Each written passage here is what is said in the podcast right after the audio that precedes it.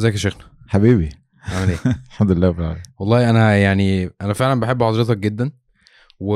ومتحمس ان ال- الفكرة دي أصلا آه، حضرتك كان ليك آه، دور فيها آه، انك يعني إن... انك تسمح ل... ليا أنا يعني لواحد زي يعني آه، ان هو يخش يقابل هرد بقى ولا بلاش حضرتك وخلينا ما هو ده العادي يعني أنا بقول لحضرتك كده أصلا. ف ف أنا يعني أنا أصلا الطبيعي بتاعي إن أنا أنا كان هدفي أصلا إن أنا أكون يعني همزة وصل ما بين الناس اللي زيي اللي هم مثلا في العادي متعودين إن هم يعني الح- الحمد لله بيحبوا الدين ومستعدين يسمعوا عن الدين. بس مثلا في مثلا جاب كبير شوية ما بين آه، نوعية الشيوخ اللي أصلا بقالهم كتير بيتكلموا في الدين وبتاع ويعني في جاب أصلا موجود. ف... فاحنا شوية كده مش متعودين اللي هو نقعد نسمع درس مش عارف إيه. فأنا ربنا قدر لي إن أنا أصلا الحمد لله احتك آه، بناس زي حضرتك بناس زي يعني شيوخ تانية وأحس إن الموضوع إيه ده؟ ده أحسن بكتير قوي من أنا كنت متخيل. ده ده الواحد كان محروم. ده الواحد محتاج بس آه، مثلا آه، يعني يستعيذ بالله كده وبتاع ويسمح لنفسه إن هو يسمع الناس دي بتقول إيه؟ ومثلا حد زي مثلا الشيخ حازم شومان اللي هو إيه لا يا عم ده بيزعق مش عارف إيه. أنت لو قعدت تسمعه مثلا ثلاث دايق هتحس إن هو هو ده اتكلم من قلبه جدا ده آه. محروق عليك قوي. آه يعني. هو نفسه إن أنت تسمعه. ف فأنا ك... ده ده هدفي دايما إن أنا أكون كوبري عشان الناس إيه آه تيجي وتسمع وبتاع. فسبحان الله حسيت بمنة جدا إنه إيه ده ده في ناس تانية شايفة إن إن فعلا ده ممكن يبقى دوري. ويدعوني لحاجة زي دي وإن حضرتك كنت سبب في ان, في إن أنا إن أنت زقتني أصلا في ال- في الموضوع ده. حبيبي بسم الله الحمد لله والصلاة والسلام على رسول الله صلى الله عليه وسلم. إيه خليني آه، في البداية طبعا يعني أنا سعيد جدا إن أنا آه، آه، رمضان قرب يطلع بالثوب الجديد آه، ربنا يا رب يبلغنا رمضان ويرزقنا في رمضان طاعة. صالحة وعمل صالح وعلم نافع. آمين. إيه، الدين بتاعنا كلنا. يعني إيه، خلينا ننطلق إن إحنا كلنا إيه، تلامذة عند الوحي. كلنا محتاجين إيه، نسمع كلام ربنا سبحانه وتعالى. فينا حد سبق في باب فينا حد تأخر في باب فينا حد عنده مهارة في حتة معينة أو في باب من الأبواب فينا حد مش موفق في الباب ده لكن عنده باب تاني. لكن كلنا كل المسلمين آه، هم مخاطبين إن هم يشتغلوا دين. ومفيش حد آه، معفي من هذا. يعني يعني أصل الإيمان آه، العمل. فالايمان يعرفوه قول وعمل واعتقاد. فأنا إحنا مؤمنين كلنا بربنا سبحانه وتعالى فإحنا لابد إن إحنا نشتغل دين. ففكره إن إن يكون في جاب ممكن يكون ده على يعني إيه أعتقد إن هو في جزء منه ذهني شوية يعني حاجة فكرية إن حد حاطط في دماغه إيه هو دي مش بيخاطبني أنا يعني القرآن مش نازل عشان أنا أعيش بيه أو عشان أنا أتعامل أناقش مشاكلي العملية فيه في حين إن إحنا لو لو يعني نظرنا ال- القرآن خاطب الكفار.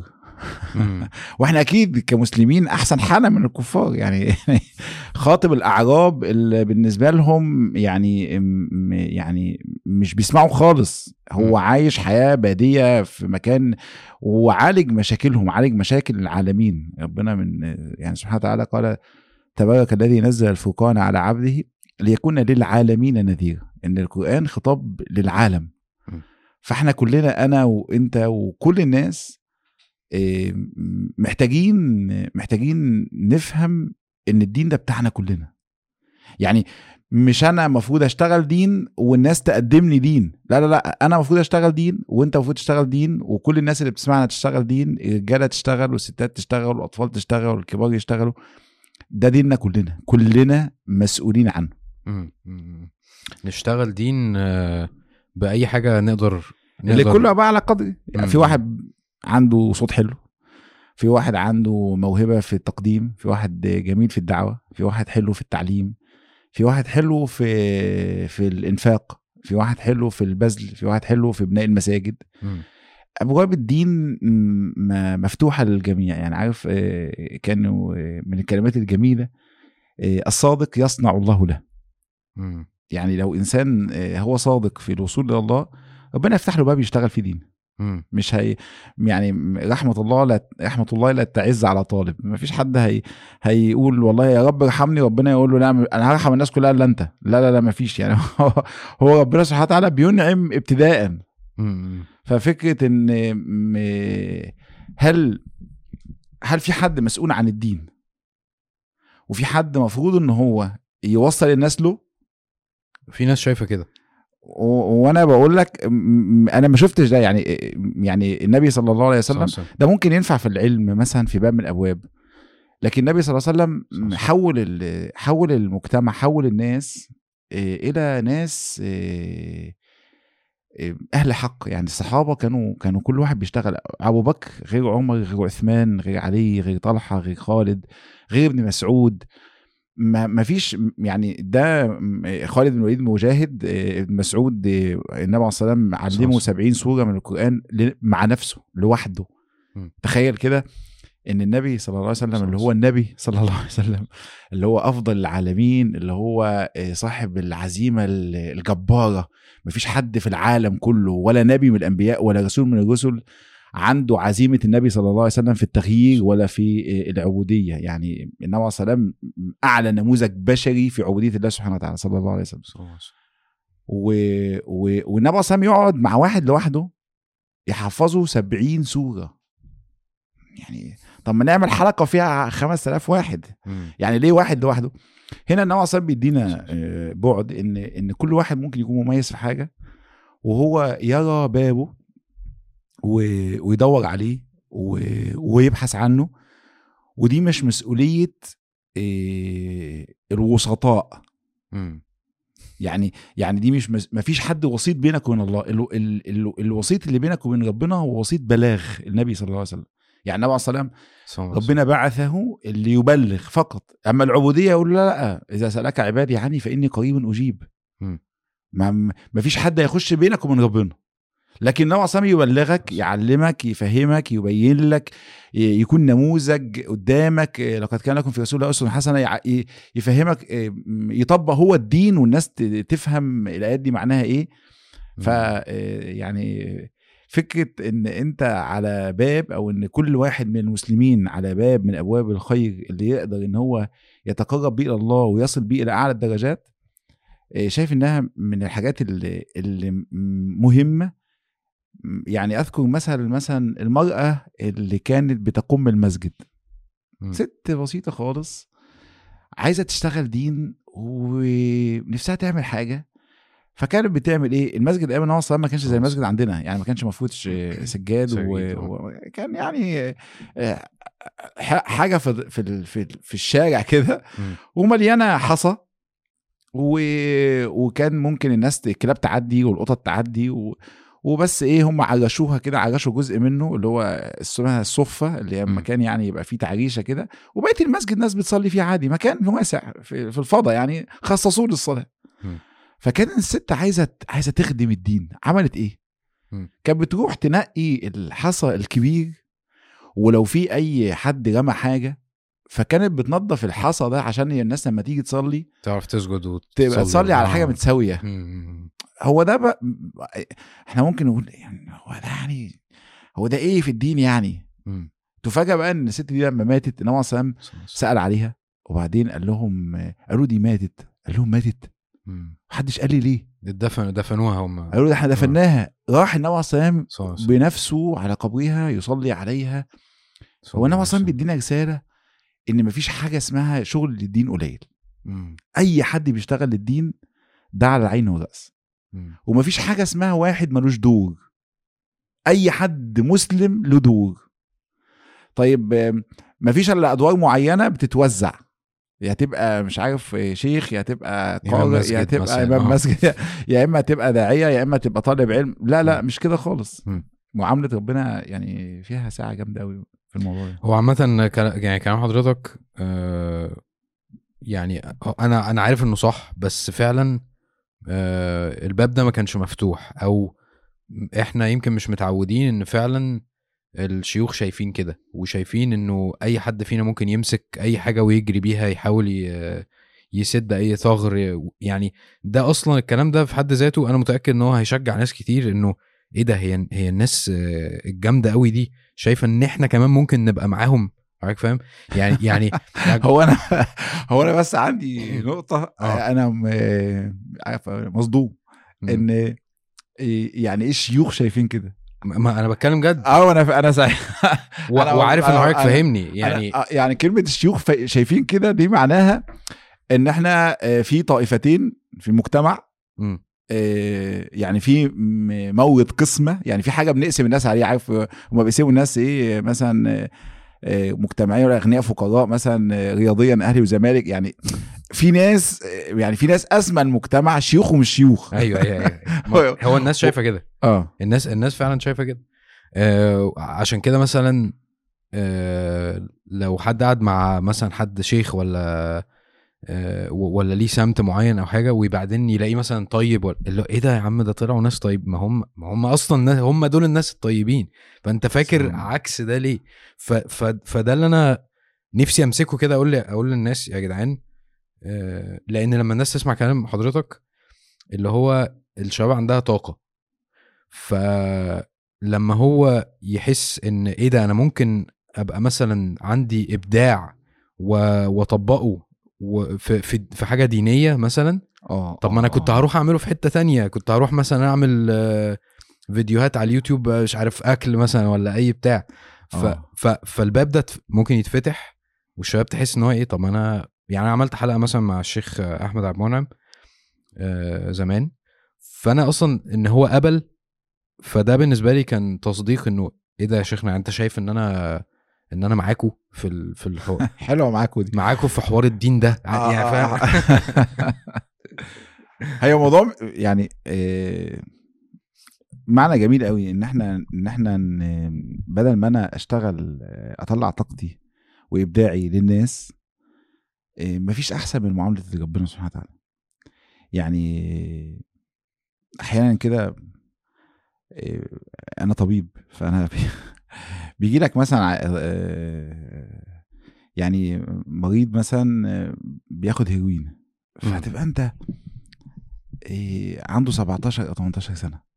ده عشان عشان يوصل للمرحلة دي من الإدمان وإن هو آه، وصل إن هو يقعد تحت إيد جراح آه، أوعية عشان يعمل له عملية عشان عنده مشكلة في شرايينه اللي هو بهدلها من كتر ال- الضرب أو من كتر الحقن. بتبقى هتفكر كده يعني ليه؟ مم. ليه؟ ليه؟ يعني يعني معاملة ربنا أحسن. و و وربنا سبحانه وتعالى بيرضي العبد وبيغني العبد وبيوفق العبد وبيهدي العبد. والإنسان لما بيروح لربنا ربنا بيتعامل معاه معاملة إيه، أحسن من أي معاملة. يعني يعني أنت هتتقرب عند الناس شبر هيدوك نص شبر. هيجحدوك. يعني عرضنا الأمانة على السماوات والأرض والجبال فأبين أن يحملنها وأشفقنا منها وحملها الإنسان إنه كان ظلوما جهولا هيظلمك. وهيجهل عليك وهي وهيضيع مجهودك وهي واللي أنت عملته إيراد هيقول لك لا أنت ليك تلات أرباع إيراد لأن هو طمعان.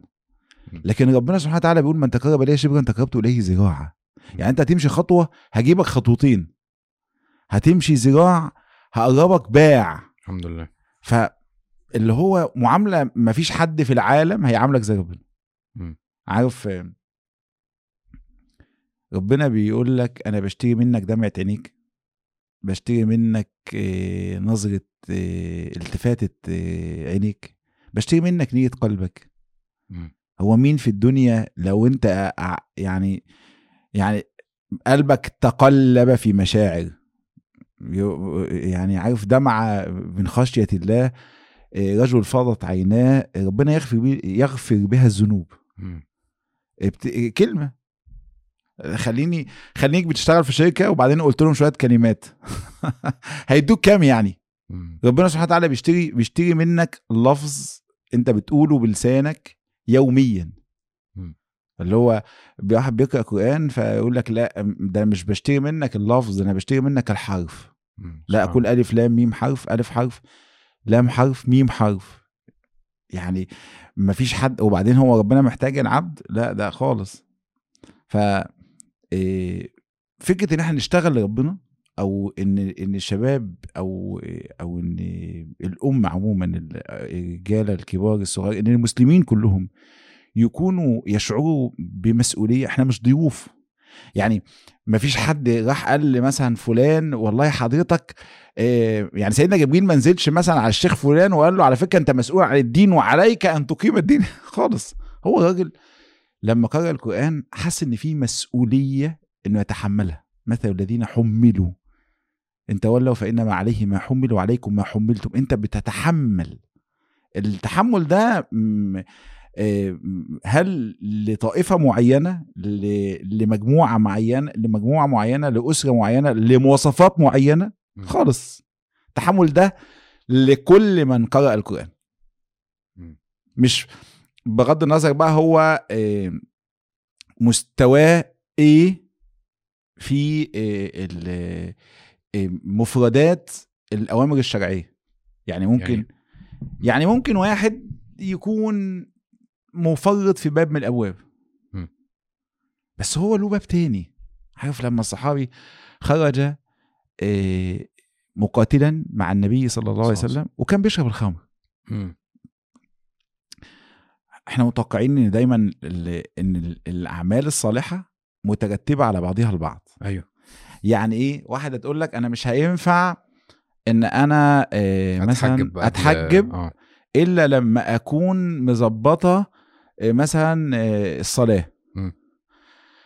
مش هينفع إن أنا ألبس آه، مثلا لبس محتشم إلا لما أكون مثلا آه، بعمل كذا في قراءة القرآن أو أو لي علاقة كويسة مع والدتي مثلا في كذا يعني دايما في صور ذهنية كده صور فكرية من من صح. دماغ الناس بترسمها إن أنا مش هينفع آه كل حاجة يا إما ما فيش يعني آه. وبعدين الح- كل حاجة دي بقى ما هو مين هيبقى كل حاجة ما هو صح. كل حاجة ده النبي صلى الله عليه وسلم الله يعني وسلم. يعني يعني كل. حاجة ده مين يعني هو لما محدش هيعرف يبقى كل حاجة في كل وقت يعني حتى لو يعني في صديقين أبو بكر.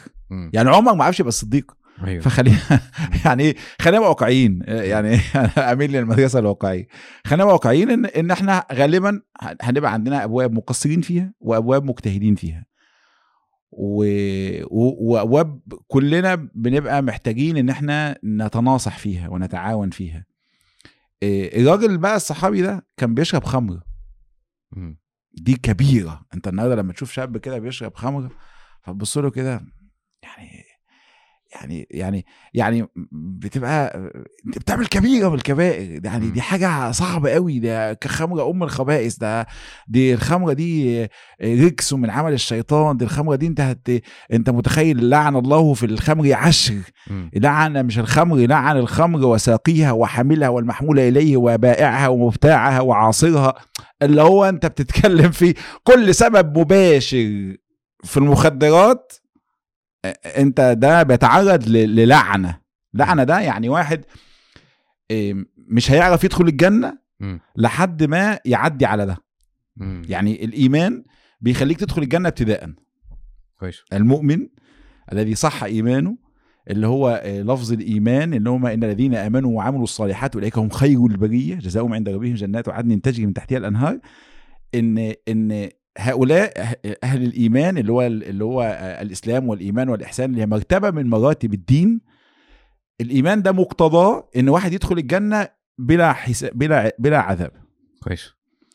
لكن في معاصي يقول لك لا لا لا دي لازم يعدي على النار. مم. إلا أن يرحمه الله وإلا يكون عنده حسنة ماحيه زي الكبر مثلا لا يدخل الجنة من كان في قلبه مثقال لازم الكبر ده لازم يتخلص منه اول زي المتبرجات.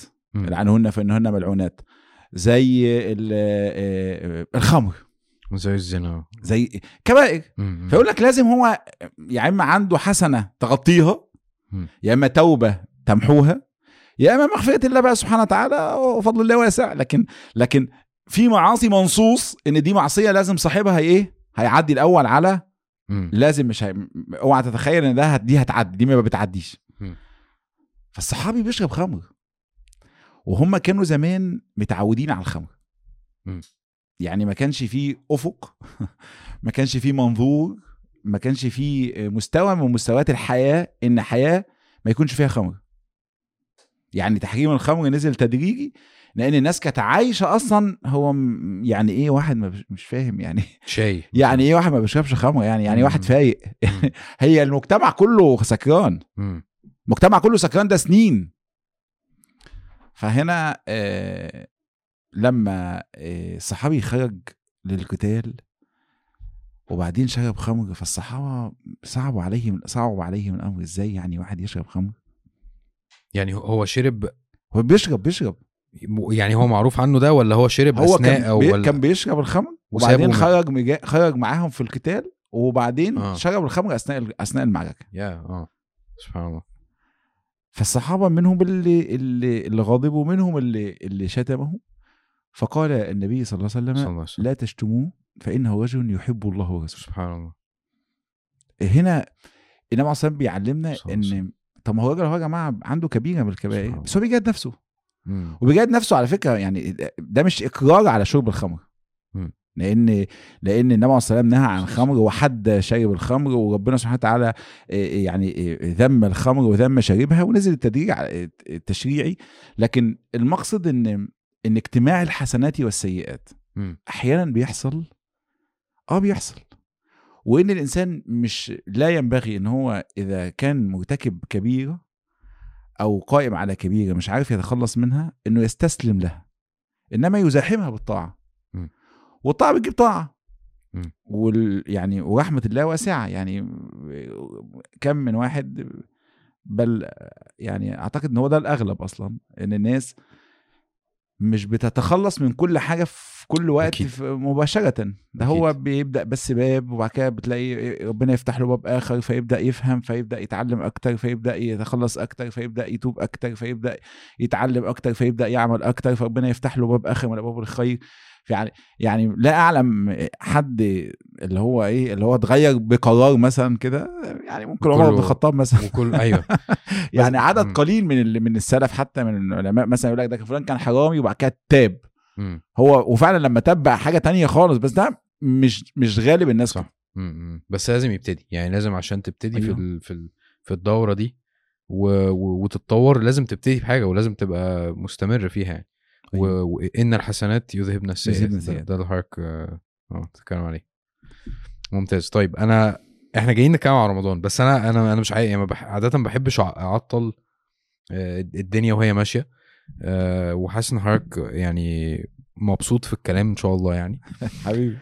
آه بس أنا أنا مش حاسس إن رمضان جاي. يعني إحنا دلوقتي مثلا في ايا كان بقى تلات أسابيع شهر شهر ونص ايا كان يعني الناس بتتفرج إمتى أو أو إحنا فين بالظبط في السنة. بس رمضان قرب تمام؟ رمضان أيوه. رمضان قرب آه. آه، وأنا ببقى خايف جدا إن أنا أبقى من الناس اللي ده مش فارق معاها أو اللي مش عارف هعمل إيه. طب ماشي رمضان قرب وأنا اتوترت دلوقتي وبتاع. بس طب وبعدين يعني المفروض أبقى أستعد من دلوقتي؟ طب أنا عارف إن الصحابة بيبقوا قبلها بست شهور متحمسين وبيدعوا ربنا سبحانه وتعالى إنه اللهم بلغنا رمضان. فأنا اولا هل هل إن أنا مش حاسس مثلا بشوق أو مش حاسس إنه إن أنا لازم أستعد؟ هل دي هل دي مشكلة؟ هل هل هل المفروض عقليتي تبقى مختلفة في الوقت زي ده؟ إيه آه حلو آه. كويس دي حاجة حلوة جدا إيه إيه لما يكون حد مثلا عايز يشتري عربية معينة مم. وبعدين الباب مقفول طول السنة وبعدين هو بقى منتظر هو بيفكر هو إمتى باب آه، الشراء أو العقود هتتفتح مم. عشان هو يحجز حلو. فهو بيبقى متربص أو منتظر أو مترقب أو قاعد يفكر إمتى؟ لأن هو عايز حاجة. مم. فخلينا نتكلم هو إحنا عايزين الجنة؟ أكيد إن شاء الله. سؤال أنت عايز إيه؟ سؤال مهم قوي. لأن أنت في الآخر خالص لو العالم كله قرر إن أنت تبقى كويس وأنت مش عايز تبقى كويس والله ما تبقى كويس. ولو العالم كله قرر إن أنت لازم تبقى وحش ولازم تبقى دماغك في أقصى الشمال وأنت مقرر إنك تمشي في طريق معين هتقدر تعمله مم. بلاء الإنسان عموما في إرادته مم. يعني ربنا جعل لك إرادتك لها سلطة على قلبك لها سلطة على عينيك لها سلطة على أذنك لها سلطة على حياتك يعني أنا عايز عايز أبص لك أو عايز أبص الناحية التانية عايز آكل عايز أمد إيدي أو عايز أمسكها كده. أنا حر. فأنت ربنا سبحانه وتعالى بيخاطب إرادتك. من كان يريد الحياة الدنيا وزينتها من كان يريد الآخرة وسعى لها سعيها وهو مؤمن. أنت تريد إيه؟ ده سؤال مهم جدا. محتاجين نسأله لنفسنا ونسأله وكل واحد يسأله لنفسه. أنت عايز إيه؟ عايز إيه بجد؟ يعني آه حاجة ما فيش حد معاك. وما فيش حد هتقعد مش هنمثل. يعني مش هنقعد نقول لبعض عشان الناس تقول علينا كذا. سيبك من الناس دعك من الناس. ودعك من نظر الناس وكلام الناس واللي يقول يقول. أنا بسألك أنت أنت عايز إيه؟ أنت من جواك من أعماق قلبك من في يعني في خلوتك في حاجة أنت أنت براحتك. كلنا ضعفاء. كلنا بشر كلنا خطائين كل بني آدم خطاء وخير الخطائين التوابون. ل... كلنا فينا النزعة البشرية اللي فيها الظلم والجهل والهلع والفزع والمنع والجزع و... وحب وحضره الأنفس الشح إلا من زكاها. يعني إلا من من زكى نفسه الا من طهر نفسه لأن أصل أصل البشري ضعيف. هنا أنا عشان أقول أنا عايز رمضان أو ليا تصور رمضان هسألك سؤال الأول. إحنا محتاجين أو إحنا عايزين إيه؟ اللي عايز ربنا هيبقى دايما بيدور على الوقت اللي ربنا فيه بيرضى. حلو. أو الوقت اللي ربنا فيه بيغفر. يعني يعني أنا مش عارف يبقى عندي همة إن أنا أرضيه. طيب نفسي إنه يغفر لي. نفسي إن أنا ما أتعذبش. مفيش بقى فرصة في السنة كلها. أي إنسان مؤمن أو أي إنسان مسلم بيحب ربنا أو عنده إيه، إيه، إرادة حقيقية لدخول الجنة مفيش فرصة لهذا مثل رمضان. مفيش حاجة أحسن من رمضان. ليه؟ عشان رمضان بداية الله اصطفاه. يعني هو ربنا سبحانه وتعالى قال ال- من غير ما أنتوا تعوزوا أنا هعمل لكم ده. الحمد لله. فضله يعني اللي هو إيه إيه، محدش مننا طلب إن إن إن كل ليلة عتقاء من النار. ربنا بيقول لله عليه وسلم بيتكلم عن رمضان بيقول لله كل ليلة في رمضان عتقاء من النار. محدش طلب إن تغفر الذنوب كلها. كل الذنوب. رمضان من صام رمضان ايمانا واحتسابا غفر له ايمانا هو هو مصدق. احتسابا هو بيقول للناس أنا مش عايز منكم أنتم جزاء. لكن أنا عايزه من ربنا. يعني كل الناس بتدور على حاجة أو بتعمل حاجة عشان عشان تاخد حاجة. مم. حياه ال- العقلاء. يعني أي إنسان في العالم بيعمل مجهود هو عايزه من وراه حاجة. حلو. لو إنسان عمل مجهود ومش عايز من وراه حاجة ده إنسان سفيه. آه ده مجنون يعني بيضيع مجهوده ويضيع وقته. أي حد في العالم بيعمل حاجة هو عايز من وراه حاجة. مم. المؤمنين مصدقين. مصدقين إن هم عايزين الجزاء بس مش من البشر عايزين الجزاء من الله. اللي هو إنما نطعمكم لوجه الله لا نريد منكم جزاء وشكورا. يعني أنا ما عنديش هم مش مش عايزين جزاء وشكورا هم عايزين جزاء وشكورا. بس من ربنا. بس مش عايزينه منكم. يعني إن إن هو هو بيبذل بس هو عايز إيه؟ عايز الأجر من الله سبحانه وتعالى. ده ايمانا واحتسابا. إن هو بيقول أنا أنا مش صايم عشان الناس تقول صايم صوم. أنا صايم عشان أنا عايز أتقرب إلى ربي. وغفر له ما تقدم من ذنبي. كل اللي فات كل اللي فات كل اللي فات. يعني احتسابا دي عشان أنا دايما بحس إن أنا مش فاهمها قوي آه إن يعني إن أنا أعمل ده لربنا بس. بس احتسابا ده أنا محتسب أجر عند ربنا سبحانه وتعالى. عارف لما إيه؟ لما في الدنيا كده لما نيجي واحد مثلا بيعمل حاجة فيقول له حسابها عندي. فيقول له خلاص. فيجي التاني يقول له حاسب يقول له لا لا خلاص أنا أنا مش يعني لما يجي صاحب المحل واحد يقول له آه، أنا حاسب يقول له لا خلاص أنا أنا اتفقت مع فلان خلاص أنا مش أنا مش عايز منك أنت حاجة مم. فلان كلمته عندي أصدق. ولله المثل الأعلى إن إحنا لما نقول احتسابا عند الله يعني أنا لا أريد من الناس جزاء ولا شكور أنا محتسب الأجر محتسب بقى القيام محتسب الصيام محتسب قراءة القرآن رمضان شهر مش عبادات حلوة هتتأدى مم.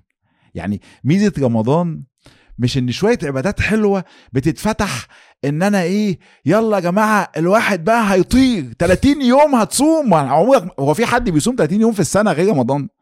30 يوم هتقوم والناس كلها بتقوم والكلام اللي هيبقى سهل لأن ال- ال- الطاعات بتسهل بال- بالتجمع. ف 30 يوم الناس بتقوم في ال- أو 29 يوم على. حسب يعني. 30 يوم الشهر كله الناس بتقوم في المساجد. فأنا أنت مش رايح تقوم الليل وأنت حاسس إن في إيه؟ إن حاسس إن في مشكلة. ده. انت لو عملت كده انت مع الفلو. يعني انت مم. انت 30 يوم الناس بتقرأ القرآن. 30 يوم الناس بتدعي. مفيش مفيش فرصة طول السنة يتعمل فيها ده زي رمضان. الف... الفرصة الأعظم يعني إن أنت مش بس تجاهد نفسك أو إن أنت تقول لنفسك وقفه كده بقى كفاية إحنا محتاجين بعد الصيام والقيام والقرآن ده نفكر هو إحنا طريقنا فين وعايزين إيه. وهنمشي إزاي؟ إيه لأ ربنا بيعرض عرض أعلى في رمضان. العرض الأعلى ده إيه؟ إن أنت تدخل الجنة. ده اللي النبي عليه عمله بقى. صلى الله عليه وسلم. يعني النبي عليه تحول من رجل عادي اسمه الصادق الأمين مؤدب صاحب أخلاق إلى إنه يبقى رسول الله كان في رمضان. يا الصديق تحول إلى. إنه بقى الصديق في. رمضان أنا ما أعرفش ده بداية. الوحي بداية القرآن في رمضان. ان أنزلناه في ليلة القدر يعني أول ده ال- ده نزول القرآن؟ القرآن آه. أول نزول القرآن أول اقرأ مم. أول أول بداية النبي صلى الله عليه وسلم إن هو إنه يتعرض لنور الوحي الذي غير العالم النبي صلى الله عليه وسلم اتغير في رمضان الأمة كلها اتغيرت في رمضان مم. المجتمع البشري اتغير في رمضان الأمم عبر التاريخ سيدنا داو سيدنا إبراهيم وسيدنا موسى وسيدنا عيسى ال... الكتب السماوية نزلت في رمضان. حديث النبي صلى الله عليه وسلم إن. إن ال- الصحف والتوراة والإنجيل آه، ست مضاين 12 مضاين 24 مضاين 18 مضاين 24 مضاين من رمضان آه، التوراة والإنجيل والزبور نزلت في رمضان يعني رمضان شهر آه، شهر التغيير وأنا هقول لك على نقطة واحدة بس. يا رب ما انساهاش يعني. آه، كل الناس في العالم لها محبين ولها أعداء. وربنا بيقول إن الشيطان لكم عدو فاتخذوه عدوا. بيقول لك خد بالك اوعى ترمي بسهم أو ترمي تضرب حد هو مش عدوك. اعرف عدوك مين؟ مم. فزي ما أهل الإيمان فرحانين برمضان ومستنيين المغفرة ومستنيين ال- الجنة. إذا كانت أول ليلة في رمضان فتحت أبواب الجنان وغلقت أبواب النيران وصفدت الشياطين. شيخ الإسلام ابن تيمية بيقول لك صفدت الشياطين في شياطين بتصفد لأجل رمضان. وانت إنت شيطانك بيصفد لأجل إن إنت بتصوم وتقوم. وعلى قدر قوة الصيام على قدر قوة. تكبيل وق- وقيد شيطانك انت يعني يعني كل واحد فينا جواه شيطان هو بايه بي بي يعني لازم يبقى فيه صراع يعني. ف يقول لك انت بتفتح لك ابواب مش هتعرف تتغلب فيها على الشيطان أو تصرعه أو تستغل قيوده زي رمضان. فرمضان آه، محتاج مننا لو هقول لك آه، زي ما المؤمنين بيستعدوا رمضان الشيطان بيستعد رمضان. ولو هيبقى في نصيحة واحدة بس نعمل إيه في رمضان هقول لك اتخذ صاحب صالح تطلع بيه معاك طول السنة. من رمضان. من رمضان. مم. والمساجد مليانة شباب والمساجد مليانة كبار والمساجد مليانة أطفال والمساجد مليانة نساء. فأنت مهما كنت هتبقى في أي طائفة في المجتمع غني فقير قوي ضعيف كبير صغير أكيد هتجد لك صاحب صالح هتجده في المساجد. م. هتجده في آه، الطاعات. رمضان الخير فياض والناس بت يعني يعني ما شاء الله بت يعني بترى خير هذه الأمة في رمضان. م. كل واحد يشوف له بقى صاحب يمسك فيه. عشان طول السنة. هيبقى ده هتعرف قيمته. كويس. آه، حضرتك قلت كذا حاجة دلوقتي أنا عايز أجمعهم. حضرتك قلت الشيطان بيستعد لرمضان دي حاجة مرعبة جدا. آه، حضرتك قلت آه، تتخذ صاحب آه، ودي حاجة حاجة مهمة جدا. آه، ال- اللي أنا عايز أعرفه قبل ما أخش في النقط دي آه، آه، الشيخ أحمد سيف بيستعد أو الدكتور أحمد سيف أي حاجة. آه بي... أحمد سيف. آه، حضرتك حاسس إيه دلوقتي ورمضان خلاص على الابواب حاسس إيه فعلا؟ حاسس إن أنا مقلق. مم. إيه، يعني فرحان عارف اللي هو اللي بيجي في طول السنة وحاسس إن هو هيرتاح. فنفسي أدخل رمضان. رمضان سؤال صعب.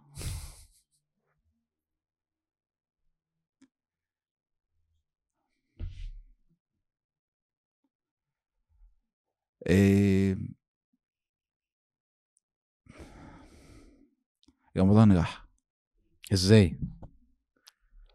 إيه، ده رمضان متعب جدا. مم، لا لا خالص خالص.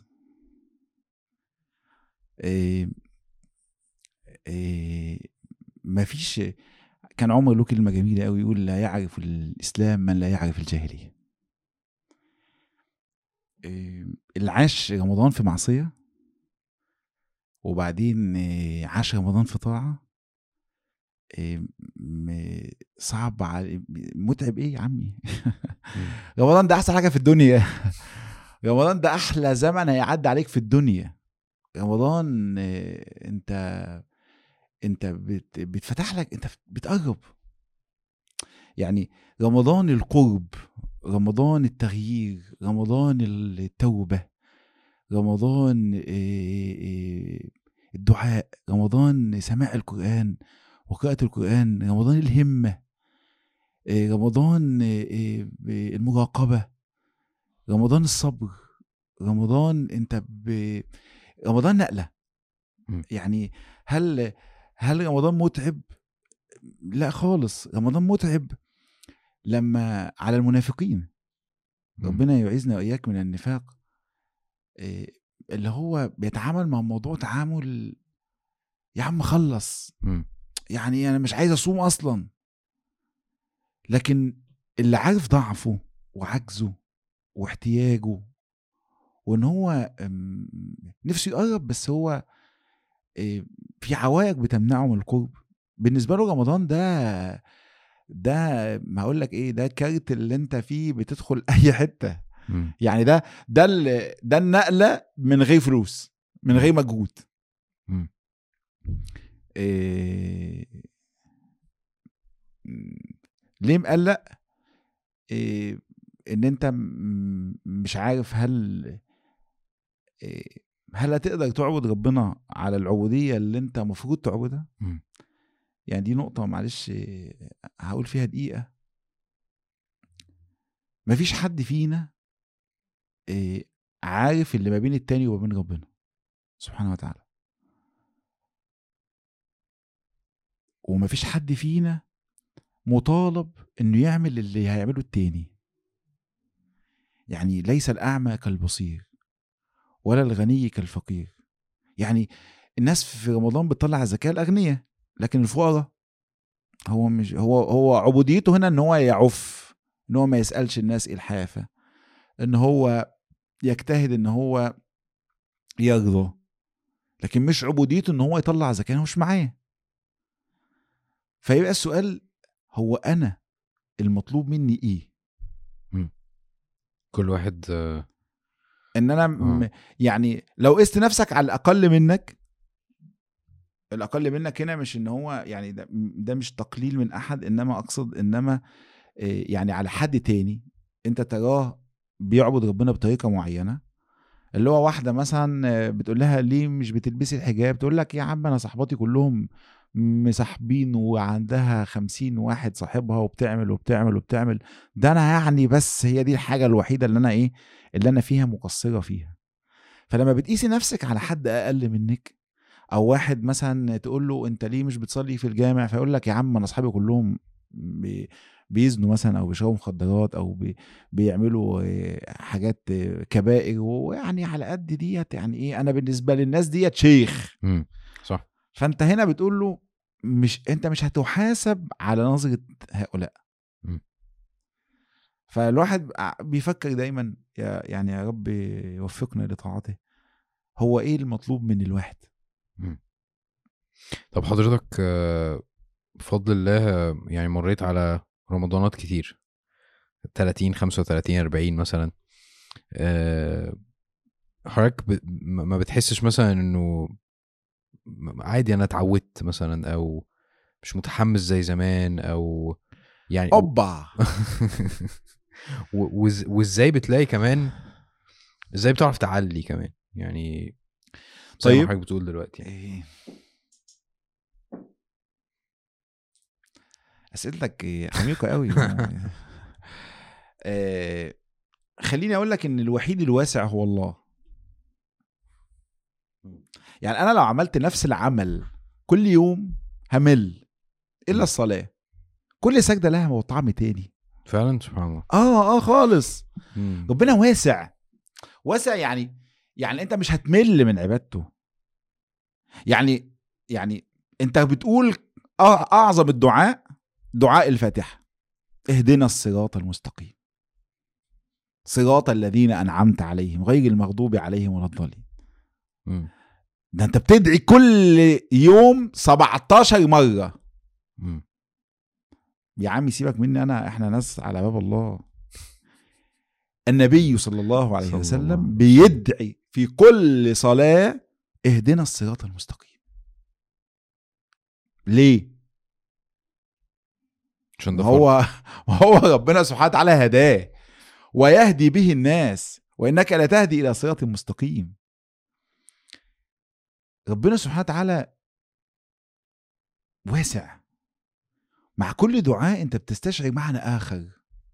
مع كل دعاء أنت بتستشعر احتياج آخر. حياة كتير. الحياة فيها كمية اختيارات غير عادية. فأنت كل موقف بتقول له اهديني. أنا محتاجك. أنا يا رب لولا هدايتك مش هبقى موجود.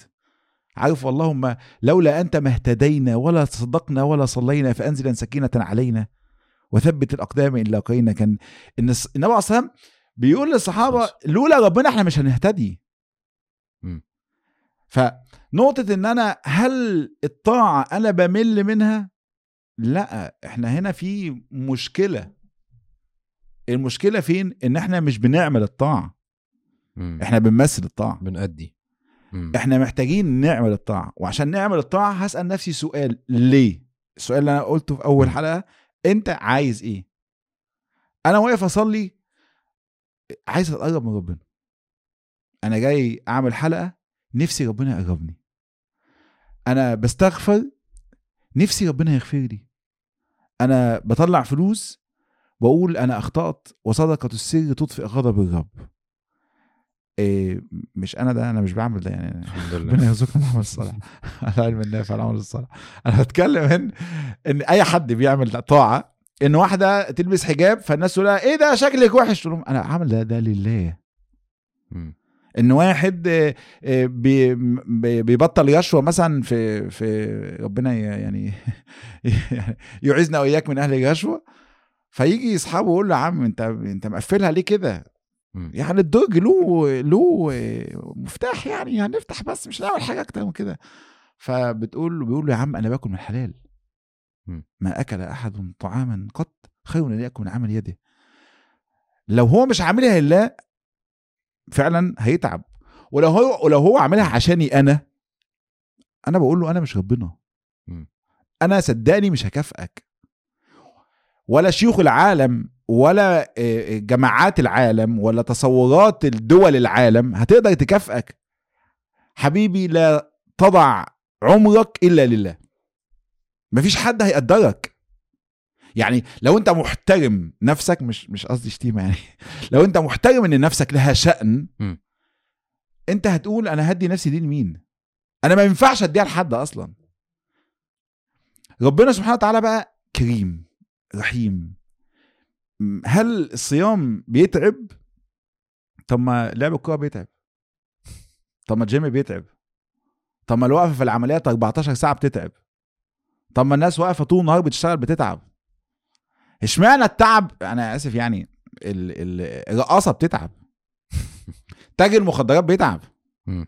ال- ال- ال- اللي عايش حياته في يعني إيه؟ إيه الحاجة اللي أنا عايز أقولها إيه؟ إيه الحاجة؟ المشهد الواضح وضوح ال- الشمس في رابعه النهار. إن ده معصيه. يعني هقول لك إيه لو واحد بيعبد صنم بيتعب. يعني لو واحد جايب صنم كده وقرر إن هو يعبده صح. هو بيتعب. مم. هي القضية مش إن أنا بتعب ما هو كل حاجة متعبة. مم. القضية في أنا بتعب لمين؟ أيوه. وبتعب وأنا مستشعر إيه؟ وبتعب وأنا عايز إيه. فهل رمضان متعب؟ لا خالص. خالص. رمضان رمضان أمل. رمضان آه، آه، تجديد إيمان. رمضان نقلة في العلاقة مع الله. رمضان تغيير للنفس البشرية. رمضان مساحة من مساحات الحب الخوف الطمع الرجاء إيه، مساحة من مساحات التوكل اليقين عبوديات. انت بت انت متخيل ان ده الناس لما بتعرف ان في محل عنده زيت أرخص من محل أو عنده كرتونه بيض أرخص من من من محل تاني بتجري عليه. أنت متخيل يعني إيه إن أنت ممكن تدخل الجنة تبقى من أولياء الله الصالحين في 30 يوم؟ ربنا بيعرض عليك عمرك كله بيقول لك ادخل الجنة في عمرك. يا رب مش قادر. يا رب بضعف. مم. عندي شهوات. مرة تغلبني ومرة أغلبها. وغالبا هي اللي غلباني. مم. مش عارف أمسك نفسي خالص. بيقول لك طيب هديك 30 يوم وادخلك بيهم الجنة. هديك 30 يوم وارفعك في الجنة درجات عالية جدا جدا. هضعف لك كل عارف اللي هو إيه؟ اللي هو بيقول له ذاكر يا ابني الامتحان عندك 1200 ورقة محتاجين مذاكرة. فالطالب قعد ما يذاكرش خالص. قال له طب خد 20 صفحة. والدرجة في ال 20 صفحة في المادة ديت ب 10 أضعاف الدرجة في ال 1200 مم. فقال له مش عارف. حاضر. وبعدين ما ذاكرش برضه. قال له طب خد خمس ورقات. ولو حلتهم هتنجح. لو انت عايز تسقط تسقط يعني خلاص هو رحمات رحمات ربنا سبحانه وتعالى اللي بتتنزل في رمضان اللي هو الصحابي بيقول له أنا شفت رؤية وفي واحد مات مجاهد وواحد مات إيه بعديه بسنة. بعدها بسنة واللي مات بعدها بسنة لقيته سبقه. والمجاهد ده أعلى درجات الجنة واللي بعده بسنة ده مات على على على فراشه. فإزاي واحد مات على فراشه يسبق واحد مات في المعركة والاثنين مخلصين والاثنين مؤمنين؟ يعني ده مش منافق وده مؤمن الاثنين مؤمنين والاثنين مخلصين والاثنين ربنا سبحانه وتعالى آه، تقبلهم والاثنين كانوا في مشهود لهم بالإيمان. فإزاي ده سبق ده؟ إزاي اللي مات على فراشه؟ سبق ال ال ال الشهيد. الشهيد ومعروف أجر الشهيد. الشهيد عند الله خصال يغفر له عند أول قطرة من دمه عند أول قطرة من دمه ويغاث من عذاب القبر ويأمن الفزع الأكبر ويزوج بالسنين وتابعين والحور العين ويشفع في سبعين من أهله ويلبس تاج الوقار الياقوتة فيه الياقوتة فيه خير من الدنيا وما فيها. حاجة يعني كده إيه؟ ذروه سلام الإسلام إن واحد مات لإعلاء كلمة الله. فأنت متخيل إن ده واحد تاني يسبقه؟ فقال بي قالوا بما يا رسول الله. صلى الله عليه وسلم. فقال شهد بعده رمضان. قال له في رمضان فرق معاه. سبحان الله. في رمضان فرق معاه. ورمضان فرق معاه هنا مش رمضان فرق معاه بالزمان. أنا آسف يعني ما زي ما أهل الإيمان كنت بقول من شوية أهل الإيمان بيستعدوا رمضان شيطان بيستعد دلوقتي. علاقة سيئة علاقة حرام عادة سيئة عادة حرام. شيطان دلوقتي بيبدأ يعد المعاصي اللي اللي يعرف يستقبل بيها الناس في شوال. يعني يعني كل خطط الشيطان العدو وبقى لو إحنا بنعتبر إن إحنا في معركة وإن الشيطان لكم عدو فاتخذوه عدوا. وإن إحنا علينا أن نتخذه عدوا و...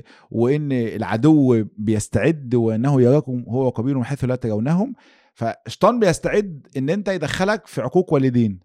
بيعمل مشكلة واحد يعمل مشكلة مع والدته في شعبان ويفضل طول رمضان ما بيكلمهاش. تقول له يا ابني انت انت غلبان.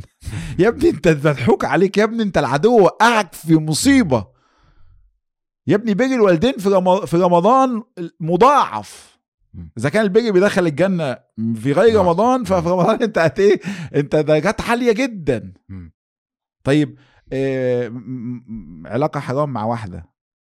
وما تعرفش ليه العلاقات بتكتر بتكتر قوي في شعبان. ما تعرفش ال... ال... الإحساس العاطفي والمشاكل العاطفية والاحتياج اللي يعني بي... بتلاقيه إيه ي... بيتأجج في شعبان. ويوم يدخل في العلاقة يضيع رمضان عليه. سبحان الله. بص يا شيخنا أنا دلوقتي أنا ما بين كذا حاجة. ما بين إن أنا في كلمة حضرتك قلتها في الأول إنه النبي صلى الله عليه وسلم آه، الوحي نزل عليه في رمضان. وإن سيدنا أبو بكر اتغير في رمضان. فأنا أنا طمعت. يعني أنا اللي هو إيه طيب اشمعنى أنا؟ يعني اللي هو أدخلني برحمتك في عبادك الصالحين. اللي هو أي حاجة يا رب. أنا عايز أنا عايز من ده. يعني الناس اللي بتتغير دي وطبعا ناس كتير جدا ليها قصص في التغيير مع رمضان يعني. بس في نفس الوقت حاسس إن أنا أو ممكن مثلا حد بيسمعنا يكون عنده الإحساس ده برضو إن يمكن مش أنا المقصود بالكلام ده. أو يمكن أنا عارف إن ربنا سبحانه وتعالى أوسع بكتير من ما أنا أظن بس يمكن أنا زي ما حضرتك بتقول مثلا أنا قلقان اللي هو يمكن أنا مش هقول لك اللي كانوا. اللي, اللي أنا اللي, اللي, اللي, اللي ربنا خاطبهم بالتوبة مش كانوا بيعملوا يعني إحنا معصينا إيه؟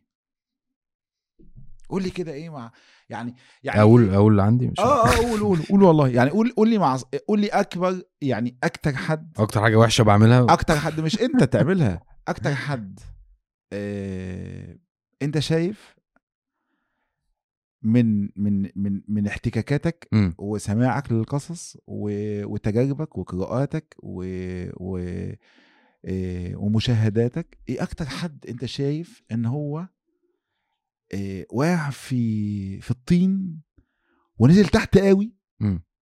ومش عارف يطلع آه، أعرف ناس آه، عندها مشاكل كبيرة مع المخدرات وعندها مشاكل كبيرة مع ال- البنات وبتكلم على أقصى ال- الدرجات يعني يعني زنا ومخدرات آه، حتى الثمالة مم. صح كده؟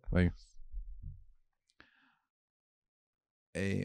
اللي ربنا سبحانه وتعالى خاطبهم بالقرآن ما كانوش فارقين عن ده يعني كانوا بيقولوا كده لو أسلم حمار الخطاب ما أسلم عمر بن الخطاب. بيقولوا الراجل ده عمر كان بيأذي المسلمين لا لشيء إلا لأنهم مسلمين مم. يعني متخيل واحد مسلط يشوف كل واحد بيصلي يروح يضربه حضرتك هو عمل إيه عشان تضربه؟ مسلم. يعني خد مثلا آه، ورثك مثلا آه، أذاك في عيالك مثلا آه، شتمك هو إيه إيه إيه جريمته يعني؟ إيه اللي هو الراجل ده عمله عشان أنت تأذيه؟ مسلم. بيضربوا على الهوية على الإسلام فقط. حتى إن الناس كانت بتقول كده لو أسلم الحمار ما أسلم عمر. ولما عمر سمع القرآن تغير وأصبح الفاروق. إن مفيش حاجة اسمها أنا أنا أنا ما ينفعش ربنا يقبلني مم. ربنا نادى على ده بيقول كل يا عبادي الذين أسرفوا على أنفسهم لا تقنطوا من رحمة الله أسرفوا على أنفسهم مش أسرفوا على أنفسهم في ال- الأكل أسرفوا على أنفسهم في المعاصي مم. ومشكلة المعصية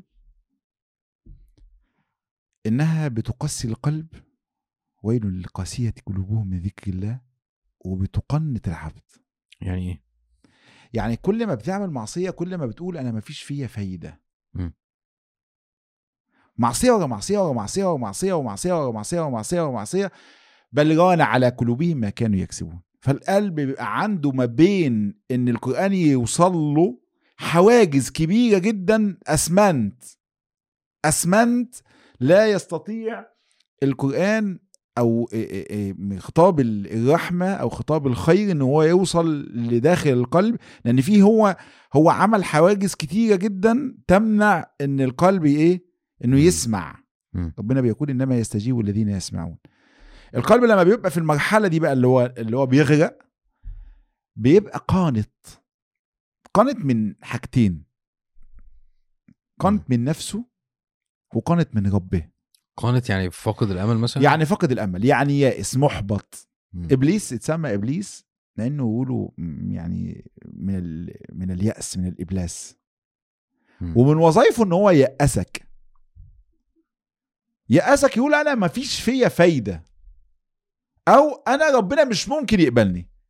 فربنا بيقول لا تقنطوا من رحمة الله. يعني لا تيأسوا من من رحمة الله. طول ما أنت عايش وفيك أمل وفيك نفس هيبقى في أمل. يعني لو في نفس واحد بس هيبقى في أمل موجود. في رحمة ربنا سبحانه وتعالى. ورحمة ربنا سبحانه وتعالى ممكن تغطي كل اللي فات.